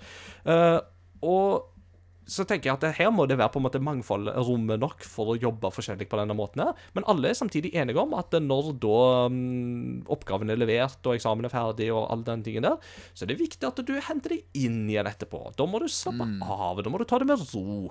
Eh, da må du, Og da vi, vi, videre inn i arbeidslivet, ikke sant, at eh, noen ganger så hender det av og til at man er på et prosjekt, at man jobber ekstra. Men i Norge så er det jo da heldigvis sånn at eh, ja, men da får vi enten så får vi kompensert for det i form av lønn, eller så får vi avspasering spasering på det. Eh, og det er jo det at så lenge vi kan finne de balansene der, så er det jo tenker jeg at da skal jo ikke de av sånne som meg, som elsker å være på kontoret klokka halv åtte på morgenen og gå klokka tre på ettermiddagen Jeg skal ikke være til hinder for de som jobber mer sene kveldstimer. Altså, mm. Hvis det er da de jobber best, så go for, go for it. Bare ikke tving meg til å gjøre det, så jeg nei, nei, altså, det er på en måte, og det, og det er jo, og det, er jo si, det største problemet her er crunch. Så dette er på en måte et lite sideproblem. Men det er noe jeg bare jeg har tenkt på, som, og, og, for egen del. For jeg kjenner på den litt. Jeg er jo en av de som for min del, helt personlig, kan like å liksom, vet du hva Nå skal jeg si, burn the midnight oil og jobbe til sen kveld. Fordi jeg syns dette er kjekt. og sånn er det feil? Det er ikke det som er feil. Det er jo det pot men, no, men alt blir på en måte tatt litt med samme kam. Og jeg, noen ganger tenkte jeg gjennom hva er det jeg sier her, og hva er det kanskje jeg blir oppfattet som å si som jeg ikke helt mener? Mm. Jeg håper tror at lytterne våre skjønner hva du mener. Det... Krysser fingre og tær. Ja da. Jeg har trua på ja. lytterne våre. Du da, Ingar? Den siste tingen som jeg eh, har litt sånn for 2023, og som forhåpentligvis ikke blir gjentatt i 2024, er det eh, jeg kaller for overgangen til ny konsollgenerasjon. Uh, nå er det faktisk Vi skal ikke ha noen flere konsollgenerasjoner. Vi er ferdig. Ingar 2023. Nei, det er heldigvis ikke der jeg er. Jeg er ikke en luddit, luddit som uh, bedekter ny teknologi, selv om jeg ikke er på TikTok. Uh, men det, det, det, er faktisk altså, Tro det eller ei, men det begynner å nærme seg to et halvt år siden både PlayStation 5 og Xbox Series-konsollene kom på markedet og kicka i gang den nye konsollgenerasjonen. Og det skulle man egentlig ikke tro når man ser en del av spillene som har kommet ut i 2022. Um, en del av for en del av stortitlene har fortsatt vært cross-gen. Bare så seint som nå, så er jo et av de største spillene som har kommet ut i april, så har vært cross-gen, er jo Dead Island 2. Uh, som jo utrolig nok kom ut til slutt. Uh, og sånn sett så kanskje ikke så rart at det da er på PlayStation 4 og PlayStation 5. Altså, det har liksom vært på, på, på en rekke konsoller. Men uh, sånn som i fjor, så hadde du jo God of War, du hadde Horizon, du hadde Elden Ring Du hadde en del av disse spillene, storspillene, som absolutt var store og gode, men som jeg likevel sitter med en følelse av at de tapper liksom ikke helt inn i på en måte den nye konsollgenerasjonens fulle potensial, fordi de fortsatt må utvikle for maskiner som kom ut for ti år siden. Vi har jo altså til og med Hogwarts Legacy som ja. kom ut på Crunch, men de, de måtte utsette porten til og med en måned og holder på å jobbe med for å få det ut til PlayStation 4-konsoller. Og så skal det til Switch! Ja. Det er jeg veldig spent på, altså, for å si det sånn. Altså, det, altså, og for alle altså, Greit nok at ting kommer på Switch, selv om det kommer på PlayStation 5 og Xbox Series, hvis de får det til. Uh, mm. men, men, um, men, sånn som PlayStation 4, standard PlayStation 4, for eksempel. Altså Resident Evil 4-remaken òg, så kommer ut til PlayStation 4 og gamle Xbox. Altså, det Men, men nå, nå, er vi liksom kommet dit hen at det er egentlig litt på tide å si farvel til disse gamle konsollene. Selv, selv, selv, om det er jo mange som har slitt med å få tak i nye konsoller. Altså, hvis du skal ha PlayStation, da. Uh, PlayStation 5 så har det jo mm. vært et problem. Men på Xbox-sida så har jo tingene vært mye lysere. Og jeg føler det at uh, vi trenger liksom noen av disse spillene som kan løsrive seg litt ifra ti år gammel hardware, sånn at de kan tappe inn i mer moderne hardware til en mye sterkere grad og komme sterkere ut av det. Ja, for, jeg, for, jeg, for der er jeg litt sånn For jeg, jeg kan ikke si jeg er uenig med deg, men jeg er en av de som eh, For jeg har PlayStation 5, men jeg setter litt pris på at når de har muligheten til å kjøre det på gamle konsoller, at de faktisk De som har en konsoll, og som kanskje skal beholde den noen år til, og som ikke har muligheten til å investere i det, at de fortsatt kan henge litt med i spillverden. Så jeg er jeg setter litt pris på det. altså. Jeg, jeg, jeg er glad for at type God of War Horizon kom til PS4, for da på en måte er det mer tilgjengelig. Og vi er jo kommet der at teknologien selv på en måte for ti år siden for mange spill er god nok. De spillene som holdes igjen av gammel hardware, jeg er enig i at OK, det er ikke alle spillet. Altså, Ratchet Clank, eh, Mm. Rift Apart, måtte være på PS5. Mhm. Men, eh, men, eh, men jeg, jeg, jeg er litt glad for at det fortsatt eh, holder igjen noe på CrossGen, fordi Og det vet jeg, sånn var jeg da jeg var yngre. Jeg var jeg kunne ikke hoppe på den nye konsollen før etter gjerne en slim-versjon eller en revisjon har kommet ut. Og det å kunne fortsatt henge litt med, det, jeg, jeg, jeg ser verdien av det. Mm. Eh, Det er jo ehm, Altså, En viss overgangsperiode må man jo ha. Det tenker jo jeg òg er helt nyttig og lurt. og alt sånt. Men som regel så tenker jeg at den overgangsperioden bør ikke være lenger enn et år. Og, og selv med pandemien til grunn, så har det nå gått over to år. Eh, og, og det tenker jeg er litt for lenge. Og altså et moteksempel her er jo Nintendo. Altså, Med Breath of the Wild så var det det siste spillet de ga ut på Wii U eh, fra deres del. Og så forlot de den konsollen og gikk videre på Switch. Da kunne de helt og holdent konsentrere seg om Switch framover. Og for Nintendo sin del så hadde jo argumentet med at det var nødvendig for de å gjøre det, fordi eh, Wii U solgte ikke bra. eh, mens For, da for de penger. ja. Eh, men, men samtidig så er det noe beundringsverdig med akkurat den ø, overgangen som skjer der, med at de, em, de, de visste på en måte hvor de måtte legge innsatsen for å bygge framtida, rett og slett. Da skal det sies at deler av den fremtiden blir bygget på å hente fram igjen Wii U-spill for å eh, si, smøre hjulene på Switchen, men, men jeg, jeg, jeg ser poenget ditt. Så det er Mm. Ja, til, til en viss grad, men altså allerede bare etter et halvt år så hadde du Super Mario Odyssey, for eksempel, ikke sant? som jo kom ut, og som var utelukkende til Switch, og som var en uh, kjempegod salgssuksess. Så ja, de måtte smøre maskineriet litt med noen Wii U-porter og litt sånt, men det var ikke utelukkende Wii U-porter som sørga for at Switchen ble en suksess, da. Absolutt. Nei da, det, det, det, du har helt rett. Du har helt rett Mm. Så det, er- det er Jeg ser poenget ditt. Jeg, um, jeg Men jeg ser òg verdien, og det tror jeg du òg gjør, på en måte. Men, eh, så, eh, men absolutt. eh, vi har ikke sett den store sånn Her er grunnen til å ha PlayStation 5. Vi har sett sånn Disse er bra. Kjøp disse. Du, du, Men, ja, du har hatt noen, da. Altså, du, har jo, du nevnte jo Ratchet Clank, veldig bra eksempel. Altså, Mm. Returnal har jo òg vært et sånt kroneksempel for meg på liksom, ting som pusher teknologien i ny retning. Uh, A Plague Tale, uh, Requiem, var jo òg et uh, spill som helt og holdent var sånn at OK, dette kunne ikke kjørt på de gamle konsollene med alle de rottene så de renner på en gang. Og nå kommer vi jo Star Wars eh, Jedi Survivor. Eh, vi får jo spill som uh, Spiderman 2. eh, og dette er på en måte spill Altså 2023 virker jo til å bli på en måte året der vi nå endelig kan begynne å si litt farvel til den eh, gamle generasjonen. Og jeg, jeg for min del kjenner at det er på tide.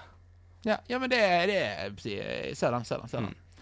Eh, min siste, mitt siste kall det negative, eller forbedringspotensial, for å si det på en litt finere måte, Mm. det er det, Og dette er en generell sånn verdens Eller sosiale medium, egentlig problemstilling, men det, jeg, merker det, jeg merker det mest i spillverden Ekkokammer. Mm. Eh, og det er at jeg føler at etter hvert som måte blir større og større eh, Ja, vi får med flere og flere måter å kommunisere hverandre på på nettet, med alt fra Reddit til Discord til YouTube til Facebook til Twitter til Eller Twitter får vi se hvor lenge det varer. uh, uh, men, uh, men så er det noe med at vi vil vi, får, vi lager likevel, fordi at det er sånn verden Vi lager oss ekkokammer, men fordi at vi ser at vi har et ekkokam- ekkokammer med folk som er lik oss, så tror vi at det er hele verden. Mm. Eh, så vi sitter på ene siden og sitter folk Hæ? Spiller folk, spiller folk fortsatt Fifa? Eh, eller sånn Hæ? Er det folk som faktisk bruker Switchen? Mm. Eh, eller hæ? Er det folk som gidder å spille på eh, noe som kan gi deg under 60 frames eller under 4K? Eller hæ? Er det noen som ikke spiller Switch? Eller hæ? Er det, noen, det er på en måte Det blir sånn eh, Og så blir vi Uh, igjen fordi vi òg er Vi er dessverre fortsatt i den liten, har litt sånn toxic-problemer til tider. Det blir- også sånn at Nesten sånn hvor, eh, dum er du som ikke spiller sånn som jeg spiller? Eller hvor rar er du? At det blir litt sånn ekkokammereffekt hvor vi Når vi finner ut at noen er utenfor ekkokammeret, så blir vi litt sånn Hæ? Vår, vi gjør jo det Vi er bedre enn dere, for vi gjør det sånn som vi liker å gjøre det. Mm. Ikke sant? Ja. Jeg vet ikke hvordan du tenker om det, Inge. Om det er noe du har vært, måte, vært borti før, eller eh, Jo, jeg tror jo det er noe i det, og altså litt av, eh, litt av det for min del har jo vært Altså, dette er jo for så vidt ikke noe nytt på en måte. Altså, dette er jo sånn Nei, det er det. Altså, dette er jo noe som jeg har kjent på Det har jo for så vidt Mats Jakob òg snakka om tidligere, men eh, Grand Theft Auto var jo en sånn, har jo vært en litt sånn serie for meg opp gjennom årene, med at det har vært litt sånn jeg har ikke gidda å spille det, for at folk har liksom vært en veldig sånn 'Dette er så bra. Hvis du ikke spiller det, så er du dust'. Eh, Så er det bare litt sånn Ja, men hvis det er holdninga, da, da, da gir du meg ikke lyst til det. Eh, og til en viss grad så er jo FromSoft-spill litt sånn Kan jo tendere til å havne litt i den båsen der òg, med at det er liksom Enten så er det liksom dette er liksom det beste som er laga, og hvis du ikke mener det, så er du eh, enten dust eller bare at du er dårlig. Ikke sant? Ja, men så, så føler jeg på en måte at den, på en måte, den har alltid vært der. Den der 'Hæ, du er uenig med meg, du er dust'. Men nå vil den 'Du er uenig med meg', og jeg kan peke på min, mitt hjørne av spillverden som er enig med meg. Så derfor må du være han ene som er uenig. på en måte, Og jeg tror at den ekkokameraeffekten òg forsterket dessverre litt av det problemet. Mm. Mm. Ja. Eh, og jeg tror jo òg at det henger litt igjen sammen med det punktet som jeg var innom, med, med, med liksom giftig nettkultur uh, og sånt. Uh, blir jo resultatet av det at hvis du kun omgås uh, Holdt på å si Hvis du er en eh, tenåringsgutt som er heterofil, som kun omgås eh, tenåringsgutter som er heterofile i deres spillegjeng, og så møter du på ei jente som spiller, så blir det liksom plutselig veldig, veldig rart. For det kan jo umulig eksistere, for det har du jo ikke noe eh, empiriske grunnlag for å tenke jeg skal eksistere. Does not compute. Does not compute, rett og slett. Ja, eh, da var liksom det på en måte Spillriksrevisjonen 2023 eh, for denne gang. Um, Mm. jeg lurer på hva lytterne syns om dette. her Om de fikk mat for food for thought, eller om det ble bare kasta ut den naturlige vei. Jeg er naturlig Eller ja, naturlig. Jeg, jeg er nysgjerrig på jeg vet, Her vil jeg høre i discorden. Hva, hva tenker dere? Er, det, er, dette, er, det, ja, er dere enige, uenige, eller er dere noe helt annet dere ville nevnt i det her? Mm. Vi skal høre litt fra lytterne eh, i lytterpost. Vi har et par lyttere som har kommet med sine takes på dette, her men eh, vi skal ha en liten pause først, så ikke Skift kanal høres teit ut. Dette, dette er ikke radio, dette er podkast. ikke gå over til en annen podkastepisode. Vi er straks tilbake.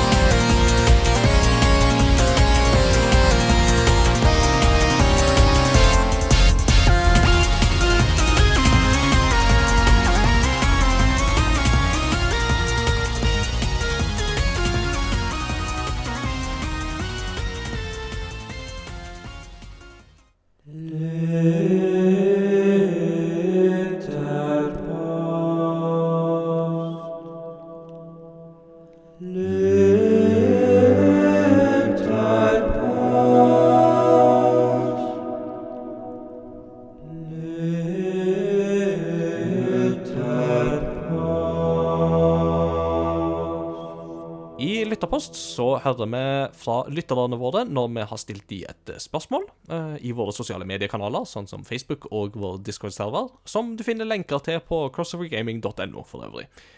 Denne veka her så har vi jo da spurt de, det som vi har snakka litt om sjøl i temadelen, hva syns du er den mest positive og mest negative trenden eller uh, tingenes tilstand i spillbransjen akkurat nå?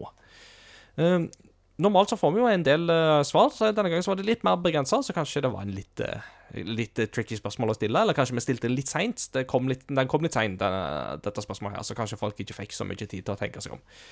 Uh, Men på Facebook så har vi fått et par tilbakemeldinger. Anders Lønning, hei Anders, skriver Det mest negative er det som er mest negativt med kultur generelt om dagen, og det er at ingen skal få like noe for det det er. Alle skal være sinna, opprørt og helst ha, og helst ha det samme bakstreverske synet på inklusjon og mangfold, eh, i, mangfold i media. Da tror jeg jeg leste et eller annet litt feil, men jeg tror dere skjønner eh, hva, hvor jeg ville. Det positive er at immersive sim-sjangeren virker, virker til å være på vei tilbake igjen, med spill som Redfall, Shadow of Doubt og Weird West. Ja, og det er jo alltid en eh, positiv ting, når liksom glemte sjangere gjør litt comeback. Det kan jeg støtte. Jeg har jo selv hatt den med beat em up-spillene, har jo fått det veldig bra retur til form eh, de siste par årene, med Streets of Rage 4 og mm, TMNT, Shredders, Shredders Revenge, som jo ja. Absolutt. Jeg, jeg var, jeg var innom at eh, immersive uh, sim-sjanger på, en måte det, på navnet så tenker ikke jeg ikke Jeg, jeg, så for meg at det var mer som Powerwatch Simulator, men jeg tror ikke det, her, jeg tror ikke det er det er om. Nei, nei, nei. Immersive Sim, da tenker vi mer sånn som eh, Deus X, uh, for eksempel. Ja, ja, ja. ja, ja, ja. Eller uh, Dishonored eller Bioshock, for den saks skyld. Altså, det Ja. er sånn typisk immersive sim-sjangerspill. Ja, men det, det, er- godt å vite at ikke jeg vet alt jeg heller. Mm. Eh, jeg, jeg kan ta eh, Inger Andreas Jacobsen, som skriver eh, Det mest negative er Joycon Drift, og det har tatt fem år å få ut det nye Zelda-spillet. Det mest positive er 14. mai, som da er datoen for det nye Zelda-spillet. Ja, det er vel strengt tatt 12. mai, da, så Men eh, Ja, men, han har skrevet 14. mai, så det er helt riktig. Men uh, jeg tror han egentlig gleder seg til 12. mai, fordi at 14. mai er en søndag. Med mindre det er et eller annet annet som skjer 14. mai som vi ikke vet om. Nei, det, ja, for er det, jeg, jeg gjettet at det var uh, At det var uh, Zelda. Det kan være det noe annet. Ja, Jeg, Kanskje han jeg, Ut ifra det jeg kjenner Ingrid Andreas, så tipper jeg det er Zelda det er snakk om. Ja, jeg, òg ville tippe det, men, men, men hvem vet? Hvem vet? Hvem vet, hvem vet? Sa vi noe feil? Let us know.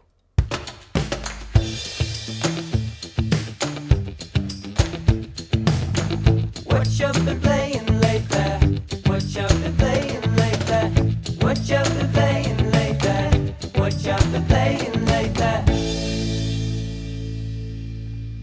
Det som ikke er feil, det er at både du og meg har fått eh, spilt en god del eh, siden siste, Jon Edvard. Så um, ja, kanskje vi skal begynne litt der vi var litt innom forrige uke og snakke om Kirby. Eh, Kirby's Yes. Return to- to Dreamland Deluxe. Eh, da vi snakket litt om det spillet forrige gang, så var vi jo litt sånn begge to på at det var litt sånn der eh, Ja, det var litt sånn ja, Men eh, det eh, var liksom ikke helt for meg, og litt sånn, vi var litt lunkne på det og litt sånt. Men jeg må innrømme at etter at vi hadde den praten, og jeg kom lenger ut i spillet, så, så ble jeg litt mer husvarm, kjente jeg. Ja. Det var, altså, jeg kjenner jo fortsatt det at det treffer meg ikke like godt som det liksom For Forgotten Land gjorde i fjor. Men jeg kjenner likevel fortsatt at det er mange gode kvaliteter her som jeg kan sette pris på. Eh, Ja. Og det med at, altså Hovedproblemet her er jo liksom det at det er for lett, er jo det som er hovedproblemet her. Og at det at du må spille gjennom et spill for å få en høyere vanskelighetsgrad, det er jeg alltid litt sånn eh, på. Og det at dette spillet her faktisk har en lettere vanskelighetsgrad, det skjønner jeg ikke hvorfor det trenger. Men, men, Det heter å jukse. ja, ikke sant. Men, men, jeg må samtidig, nei, nei. men jeg må samtidig sette pris på det det spillet faktisk byr på. Altså, Det byr på en fargerik presentasjon. Flyter kjempebra. Uh, minispillene som er i dette her, altså det er masse varierte minispill å forholde seg til. Og det å faktisk spille dette her sammen med folk er litt artig. Så eh, jeg, Dette er et sånt spill som var sånn Jeg tror ikke jeg lander på en topp ti-liste for meg, men dette er absolutt et sånt spill som jeg kan på en måte sette pris for for det det er, da. Det har en verdi. Det har en verdi, sånn som vi har snakka litt om. Mm. Ja. Eh, apropos spill vi har snakket om litt før her. Uh, jeg ser du, Både du og jeg har Advance Wars på listen. Vil du lede an der? Ja, det kan jeg godt gjøre, for eh, det var jo dette her mysteriespillet som jeg hadde spilt, uh, som jeg ikke kunne snakke om uh, forrige episode. Men nå kan jeg snakke masse om Advance Wars, for nå er anmeldelsen ute på gamerector.no, så sjekk gjerne ut den. Min historie med Advance Wars er at jeg spilte masse det første spillet. Jeg har spilt en god del av det andre spillet. Jeg tror jeg har gjennomført det, men eh, minnet er litt vagt, for det tror jeg jeg bare har gjort på emulator. Uh, og jeg har spilt uh, det som var det siste uh, spillet, Dark Ruin, var det vel, på DS, som kom i 2008. Og jeg er jo veldig glad i det andre, altså Søsterserien til Advance Wars er jo Fire Emblem, og den er jeg jo veldig, veldig glad i. Jeg har jo faktisk hatt eh, æren og gleden av å anmelde alle Fire Emblem-spill i mainline-serien som har kommet eh, på Game Reactor siden Awakening i 2013. Og Ja. jeg har jo fulgt den serien siden den kom til Vesten på Game Advance i sin tid. Uh, men jeg har alltid savna Advance Wars likevel. Altså, Advance Wars har hatt liksom eget, et eget preg som jeg liksom har følt at det, det skal være rom for dette her òg.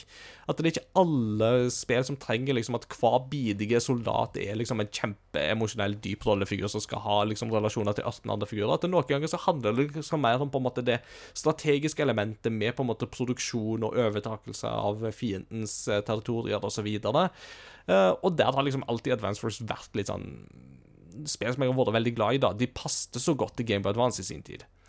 Så jeg eh, var veldig spent på dette nye, og det viktigste å få fram her er jo det at den der gode gameplay-loopen, den er fortsatt på plass. Ja. Jeg syns fortsatt at det her er det gøy å, å sette seg ned med disse kartene. Ja, de er litt lette til å begynne med, og så plutselig får du noen utrolig bratte stigninger i vanskelighetsgraden, eh, men som da er på en måte også veldig gøy å på en måte kverne seg gjennom noen av disse brettene. og Når du da til slutt sitter den seieren, så er det veldig deilig. Eh, Advance Wars er jo da turbasert eh, strategi, der man, eh, man spiller på en moderne slagmark. Man eh, styrer forskjellige typer enheter som har sine styrker og svakheter. Så overtar man byer og fabrikker, man produserer nye enheter. man må plassere seg lurt i, i terrenget for å ha dekke. Og til slutt så handler det jo da om å vinne slaget på det brettet. Ja, og når man hører tematikken, så kan man skjønne hvorfor dette spillet ble utsatt for originaldatoen. For da er det ganske nøyaktig et år siden. Ja, for det skulle egentlig Dette er jo spillet som har blitt utsatt i ett år, og da ikke pga. at det trengte finpuss og sånt, eh, eller gjorde det, det kommer vi tilbake til, Ja. eh, men eh, fordi at det plutselig brøt ut en virkelig krig som var litt sånn kjedelig. Fun fact der, bare ja. ja, vær så god. Vær så god. Nei, altså, fun fact der er jo det at det første Advance Wars på Game Boy Advance ble leid jo litt av den samme skjebnen, for det skulle egentlig slippes i USA 12.9.2001. Oh, mm, oi, ja. Uff da. Uff da. ja, men, og det er jo på en måte For dette Det ble ikke bare utsatt, det ble nesten gjemt eh, periode. Men så plutselig nå kom det ut. Så det Ja, og hva eh, Ja, og gameplay-loopen er der fortsatt. Ja, og den er veldig gøy. Eh, Det er fortsatt utrolig hvor gøy dette her er. Og at det er liksom ikke en Det er liksom ikke så alle spill trenger liksom ikke den ekstremt dype storyen, men det er liksom det at du liksom Her har du dine guys, de er good guys, der borte bad guys, gå og ta de. Og så er det bare sånn OK! Og så går du og tar de. Og så er det jo dette her med at um, du uh, Altså, du styrer på mange måter en slags på en måte kommandør i dette her. En commanding officer. Og ulike commanding officers har ulike styrker og svakheter. Altså Andy, som du begynner med, er en litt sånn allrounder. Ikke en spesifikt god på noe, men ikke noe dårlig på noe annet heller. Og så har du muskelbunten Max. Han er liksom kjempegod på tanks. eh, Men veldig dårlig på long range attacks. Eh, De er både svakere og har lavere range. Mens eh, Sammy hun er best på infanterienheter, med at de tar baser fortere og sånn. Og så har alle disse commanding officers De har en sånn ultimate ability, CO Power, som da kan på en måte kicke inn i kamp og snu litt opp ned på ting. Altså Andy, for eksempel, han fikser enhetene sine hvis de er ødelagte. Eh, Max han får liksom enda mer slagkraft, og Sammy sine mm, infanterister de blir på en måte enda bedre til å ta fiendebaser. Og så kan det jo være ting i vær og ja, masse forskjellige ting her. Så den biten der er veldig, veldig artig, syns jeg. Um, Rent teknisk sett, det, det er litt uh, rusk i motoren enkelte steder, men ingenting som er kritisk. Eh, det skal sies her. Men er, altså, det, det er frame drops, da, vil jeg eh, gjette? Eller? Ja, det er noen litt sånn frame drops, og så er det um, Når du ser dette på kartet, så er det i utgangspunktet 30 frames, som ikke går helt 100 stabilt hele tida, men liksom tålelig godt nok eh, for det mesteparten av tida. Eh, når du ser eh, disse animerte snuttene der eh, to enheter klasjer sammen på slagmarken, så er det mer en fri eh, frame rate, og da den når liksom aldri 60, eh, så hvorfor den ikke bare er cappa på 30, det Ja, det, det får nå så være. Mitt spørsmål her blir jo litt det som vi har snakket om allerede. Hvorfor er dette en remake? Hvorfor er ikke dette en uh, Advance Wars til Nintendo Switch Online? Hva, hva, hva, hva tenker du, du, du som har spilt ferdig dette her nå, eller anmeldt det? Det jeg tenker her, er jo det at det handler jo f.eks. om online-komponent. Uh, at det er mye mer online-stil over dette. Og så er det jo òg det at de har noen animerte snutter innimellom. Ikke så mange, men de har litt. Uh, det samme med voice acting. De har ikke mye, men de har litt. Eh, de har jo gjort veldig mye med musikken, som i utgangspunktet var kjempebra, og den er jo nå enda bedre. Og så er det jo denne grafiske overhalinga, som de da har tatt, sannsynligvis for å på en måte prøve å nå ut til et eh, nyere publikum. Ja. Og her er det jo litt sånn her, her, her, her er jo litt av det som jeg var inne på, ikke sant? å ikke dømme tingene litt for fort, bare ved å se på det. Men jeg, var, jeg må innrømme jeg var litt skeptisk til denne nye looken da jeg så den første gang. Men så tenkte jeg at ja, ja, men så hadde du jo Links Awakening på Switch, som jo òg hadde en slags liksom, plastikkmodelloverhaling, og det funka kjempebra i det spillet. Det, jeg syns dessverre ikke det funker like godt her. Altså, Nei, alle, ok. så, altså De originale spillene på Game Boy Advance De hadde en veldig kul sånn uh, grafisk pixel art-stil som var liksom helt perfekt for Game Boy Advance. Nå føles alt veldig sånn plastikkaktig, og det er mer dessverre holdt på å si den der Fisher Price-plastikken snarere enn Ja. Lego-plastikken. Uh, og da kjenner jeg at eh, det, den sitter ikke helt for meg, eh, for min del. Men dette er, trenger ikke å være et hinder for at andre kan like det. At andre trenger ikke å irritere seg over det. Og som sagt, det viktigste her, nemlig den der avhengighetsskapende gameplay-loopen, er på plass. Det samme Ja, er jo, ja, og det samme er online-modus, du kan lage egne kart, osv., Så, videre, og så, så det er mye bra her, selv om den ikke nådde helt til topps hos meg. Ja, og jeg er nysgjerrig, for jeg har òg notert det på listen, for jeg fikk det i posten i dag. Ja. Eh, og har ikke, jeg har ikke prøvd Jeg har aldri prøvd Advance Force før, serien, men jeg var veldig nysgjerrig. Så jeg uh, har spilt uh, halvtime, kanskje, og uh, igjen kommet gjennom tutorial og litt sånn, og det er Jeg ser definitivt det du mener med at stilen er um, litt billig plastikk, muligens, men det, jeg, jeg gleder meg til å se om jeg blir hooked eller ikke. Men, så jeg har ikke så mye å si ennå, annet enn at eh, I'm intrigued, i hvert fall. Jeg skal si det. Ja, og en forbedring her faktisk er jo det at uh, opplæringsdelen er kraftig forkorta i eh, Switch-versjonen, altså denne nye versjonen, sammenlignet med Game Boy Advance-versjonen. Der var opplæringsdelen var veldig lang. Veldig lang. altså Den besto av mange oppdrag, små oppdrag. Nå er det bare på en måte komprimert til tre stykk, og så bare kastes du ut i det. Uh, Ja, veldig smooth. Uh, og det tenker jeg det er rett veien å gå. Så spennende, spennende. og mitt håp i dette her er jo det at eh, Nintendo nå tester litt markedet for å se er det fortsatt liv laga for Advance Wars. Og hvis dette selger godt nok, kan vi få mer? Det hadde vært veldig gøy. Det er, jo, det er jo ikke første spillet som har fått en remake, og så fått oppfølger igjen i senere tid, så det er jo det er fullt mulig. Mm. Så Mm. ja. Mm. Um, jeg har òg um, um, kort um, spilt Overwatch 2. Det gjør det jo som regel, så det er ikke så mye nytt å melde der, men det er veldig kjekt. Uh, jeg har òg anmeldt et annet spill for uh, Game Reactor, som anmeldelsen er ute i dag. Uh, ja, i dag. Torsdag. Uh, og det er da um, baristasimulatoren Coffee Talk Episode 2, Hib Hibiscus and Butterfly. Yeah. Ja. Eh, Coffee Talk, det første, er et indonesisk eh, visual novel-spill der eh, du er en barista på kafeen Coffee Talk i Seattle. Uh, som kun er åpen på kveldstid og nattestid. Litt sånn Midnight Diner i eh, Japan-stil. Ja. Og det spesielle her er jo det at dette er ikke vårt Seattle, men det er et Seattle der det bor orker, varulver, vampyrer, eh, mermaids eh, og mennesker. Eh, så liksom alle disse her lever på en måte litt sånn i, i fellesskap. Og, og det at du har ulike raser, er jo da en fin måte på en måte å belyse ulike samfunnsproblem som er aktuelle for vår egen verden, eh, inn i deres eh, kontekst. Eh, Det eneste du gjør aktivt i disse spillene, er jo å lage drink, eh, drikkene som de bestiller. Eh, og ellers så er det liksom bare å snakke med de og føre samtalen, og se hvor samtalen går hen. Basert på hva drikker du gir, så kan du styre samtalen litt ene eller andre veien. Det nye her er at nå kan du lage te i tillegg til kaffe. så det er jo bra. Det er derfor eh, undertittelen 'Hibiscus and Butterfly'. Åh, hvorfor dette, skulle jo vært eh, Ekstra content skulle vært en TLC. TLC Åh, oh, oh, oh, ho. Oi, oi, oi. Du er moro- mo- moro- morosan, du. Du er moro. Ja, jo takk, jo takk. jo takk, jo takk. Uh, så den største nyheten er jo da det. Og så i tillegg så er det nå sånn at folk kan gi deg gjenstander som du da har i en skuff. eh, Eller alternativt at de glemmer gjenstander i kafeen, som du da må liksom ta fram og legge ved serveringa. Altså Når du da skal servere deg en drikke, så er det bare sånn Å ja, stemmer. Du var den som glemte lighteren din når du var her sist. Ja, her, her er lighteren som du får sammen med eh, drikken din.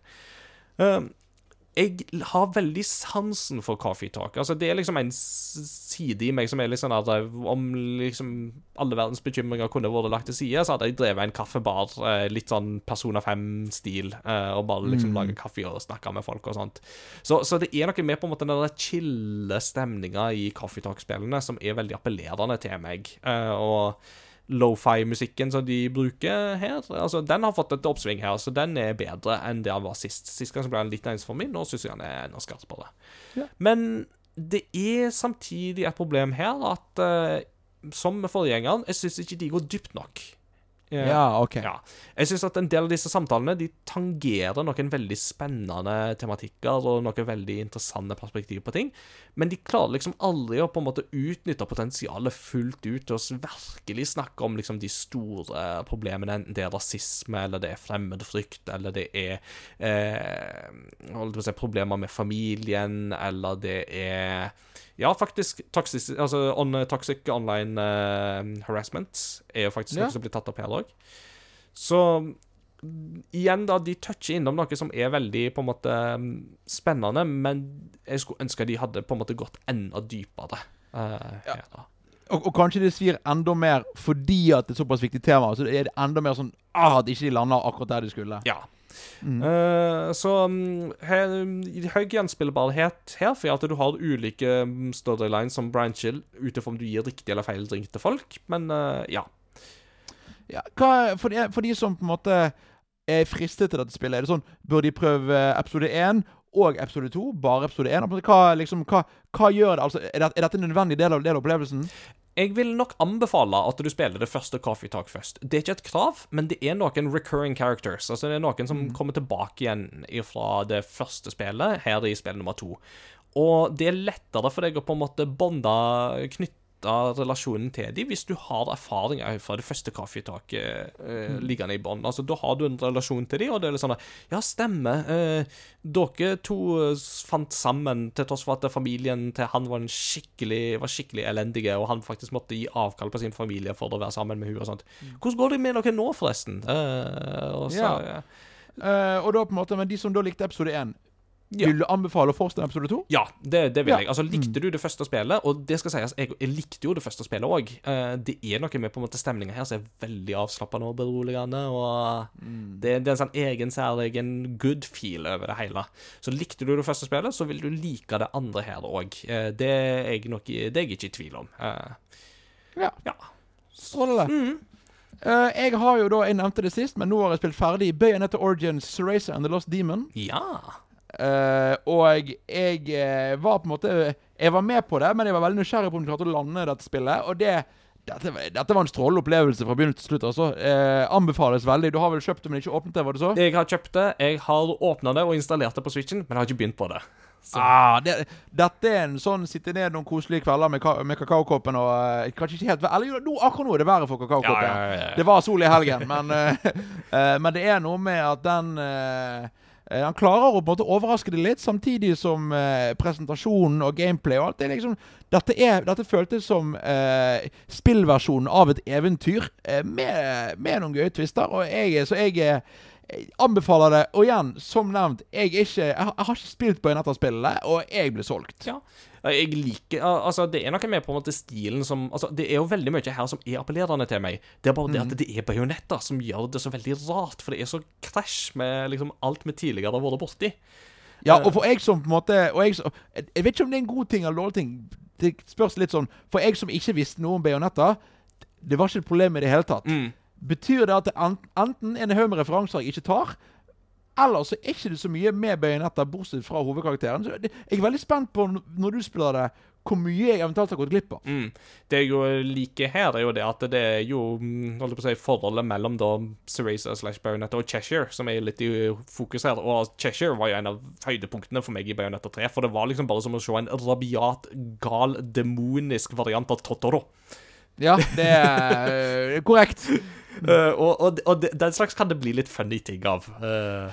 Men, og, og her kommer da den morsomme tingen. Og, og min første tanke er Å ja, er Cheshire med i Bayonetta-spillene? Jeg har jo sånn, jeg har jo ikke spilt det. nei, nei, nei. Han, han er med i Bayonetta 3. Ja, å ja, sånn Ah, Ja. artig. Så i- ikke sånn veldig stor spoiler, for å si det sånn. Det, Nei, det, jeg har møtt han allerede i år. Artig. Ja. og, så- og så har jeg òg jeg, jeg gjorde et eksperiment, og eksperimentet bekreftet noe jeg lurte på. Fordi at eh, eh, nå er jo Gameboy Advance-spill kommet på Switch. yes. Uh, og da uh, lastet jeg et spill jeg har spilt 3DS-versjonen av for lenge siden, men jeg ikke liksom har spilt original Og det er Mario and Luigi Superstar Saga. Ja.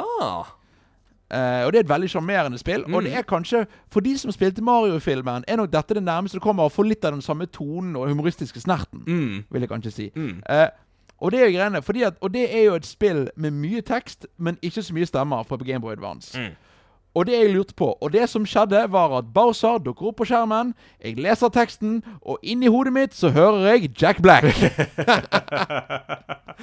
og, det var, og det var litt det var litt sånn OK, men det var noe, det var noe Og jeg vil tenke og det funker. Eh, og på en måte, og igjen, når du leser på en måte replikken til Mario Luigi Du kan høre for deg litt uh, Charlie Day og Chris Pratt, og spesielt uh, eh, Toad. Er veldig sånn Ja, dette kan jeg høre Film-Toad si. Så det var litt artig. Det er jo sånn jeg spilte en time eller to, men det er sånn Ja, ja det, de, de, de fikk det til. Ja. Det, det, dette det, det, må jo sies å være en god suksess. God suksess. Og, det, og for de som ikke har prøvd det, det er jo da gratis hvis du har Nintendo Switch on online. Fantastisk sjarmerende spill. Fortsatt veldig pent. Um, Originalen er nok penere enn remaken, vil jeg si. Så det Ja. Mm. Det, det er vel kun tilgjengelig hvis du har expansion pass. Stemmer, stemmer. Vi tar expansion pass. eh, Mm. uh, hadde du noen flere spill, eller eh, kan jeg ta det siste? Det var det jeg det var det jeg har hatt på så langt. Ja, for jeg vil Jeg har spart høydepunktet til slutt, skjønner du. Det Ja. som jeg har kost meg mest med de siste par ukene. Og det at jeg endelig har fått somla meg til å spille Hi-Fi Rush. Dette spillet som kom litt ut av intet i januar, mens jeg og Peter var i Japan. Eh, så derfor, av naturlige årsaker, så fikk jeg ikke spilt det da det plutselig kom ut. Eh, dette er jo da fra Tango Gameworks, som jo da er studioet bak The Evil Within og uh, Ghostwire Tokyo. Med andre ord, ganske skarp svingninger fra det de har gjort før. Er veldig annerledes fra alt de har gjort før. Og det er jo kanskje en av de tingene jeg liker best med dette her, er jo det at det er så radikalt annerledes enn alt de har gjort. Men dette er et sånt spill der du merker at dette har vært et sånt pasjonsprosjekt for noen i studioet, og så har de fått konsesjonen til å lage det. Og jeg må si, for meg, det, per nå, så er dette det, det beste spillet jeg har spilt i år. Fra i år. Ja! Og, og det er nytt. Altså, dette er ikke en remake eh, eller en remaster et eller noe sånt. Dette er et helt Hey! nytt, flunkende nytt konsept som bare kommer ut av det blå, og så får vi gjøre alt riktig.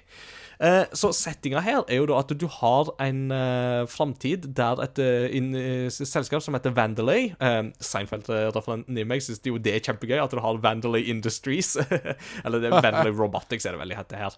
Som da er sånn der stort upcoming robotselskap og alt sånt. Og da har du hovedpersonen vår som heter Chai, som da han eh, melder seg på The Vandalay Campus fordi at han skal være med på et slags eh, eksperiment som heter Project Armstrong. Eh, og Chais største drøm her i verden er jo å bli rockestjerne, så er det han skriver på CV-en sin, at han er rockestjerne. Han er ikke en rockestjerne, for å si det sånn. Eh, I dette prosjektet så handler det basically om at han får seg eh, noen robotkomponenter, har fått seg en robotarm, eh, og så blir han erklært for en defekt, og så skal han egentlig skrotes. Men så har han, samtidig som dette her, så har han da fått den gamle iPoden sin som han hadde med seg. Den ble med i denne her fusjonsprosessen mellom mann og menneske, litt sånn uintendert. Og det gjør at han da kjenner på på en måte biten fra musikken. Eh, blir på en måte gjenskapt i på en måte alle omgivelsene rundt seg, med det resultatet at han da, med denne robotarmen, kan få fram det som basically minner om en skrotgitar, og så banker alle robotene som kommer i hans vei. Og så allierer han seg med en robotkatt som heter 808. Og han allierer seg med 808s eier, som heter Peppermint. Og så skal de sammen gå hen for å knuse The Vandalay-industrien for å rett og slett frie folk fra dette her prosjektet med, med som Dette selskapet har litt sånne lyssky tanker i bakhånd, for å si det sånn. Jeg må, jeg må bare sjekke her, Inga. Eh, Du tar referansen med kattenavnet, sant? 808 Ja?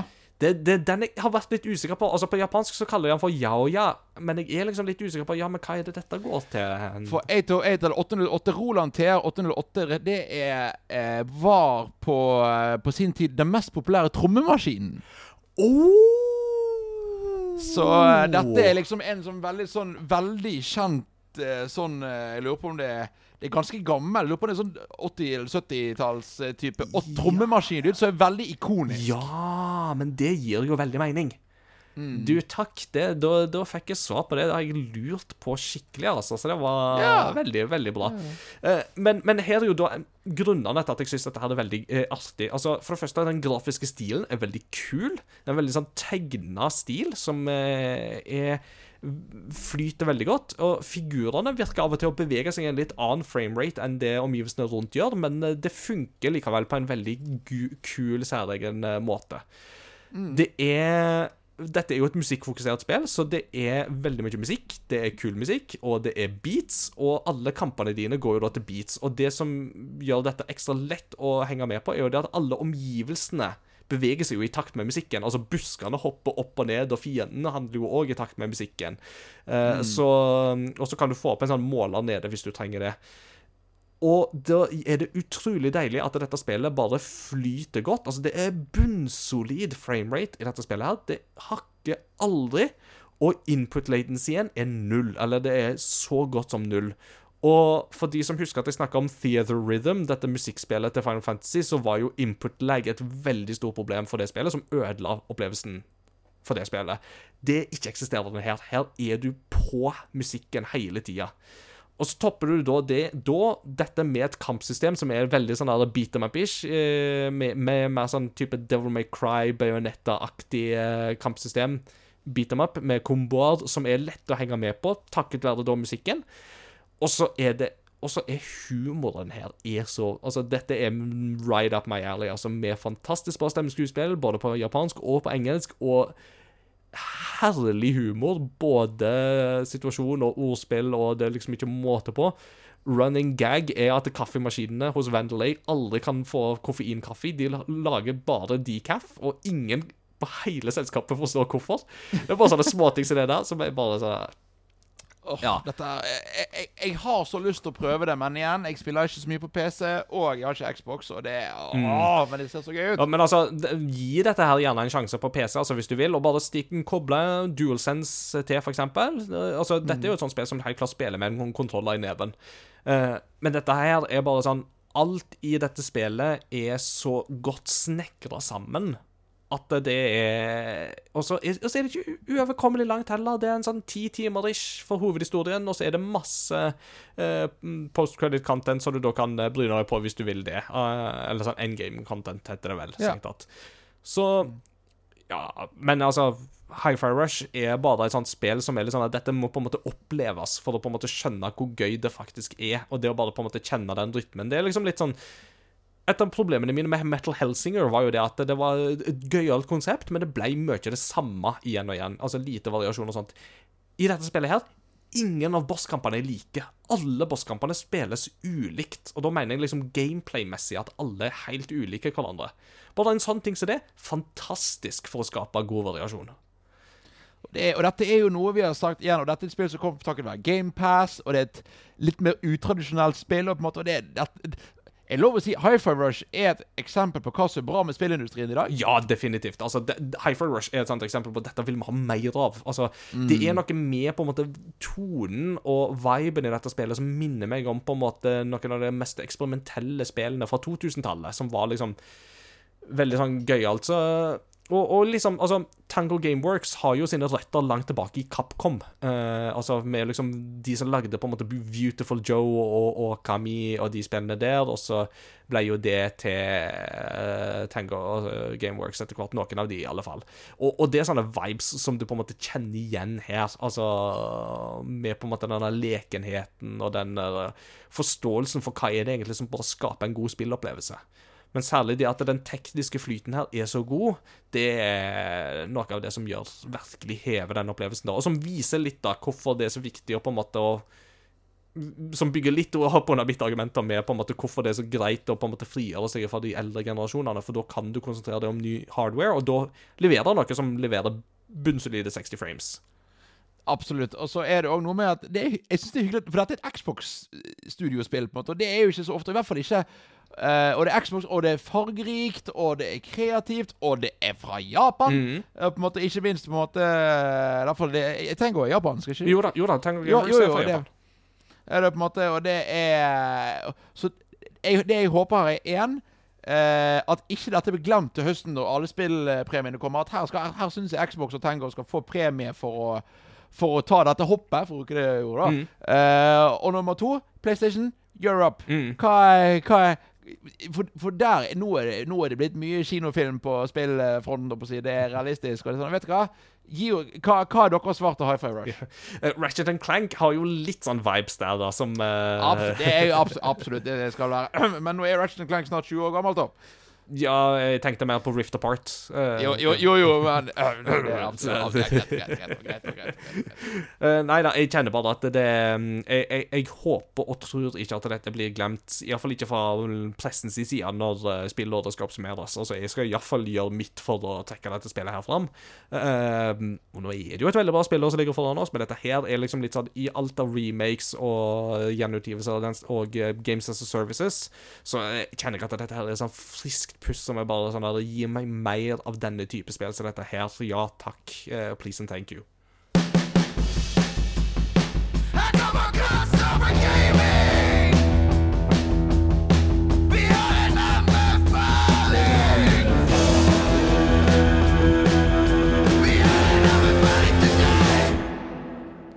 Ja, det ble jo nesten en sånn snikanbefaling av eh, Hi-Fi Rush eh, på slutten der fra min side, men eh, nå skal jeg roe den ned, og så skal jeg spille anbefalingsballen til deg, Jon Edvard.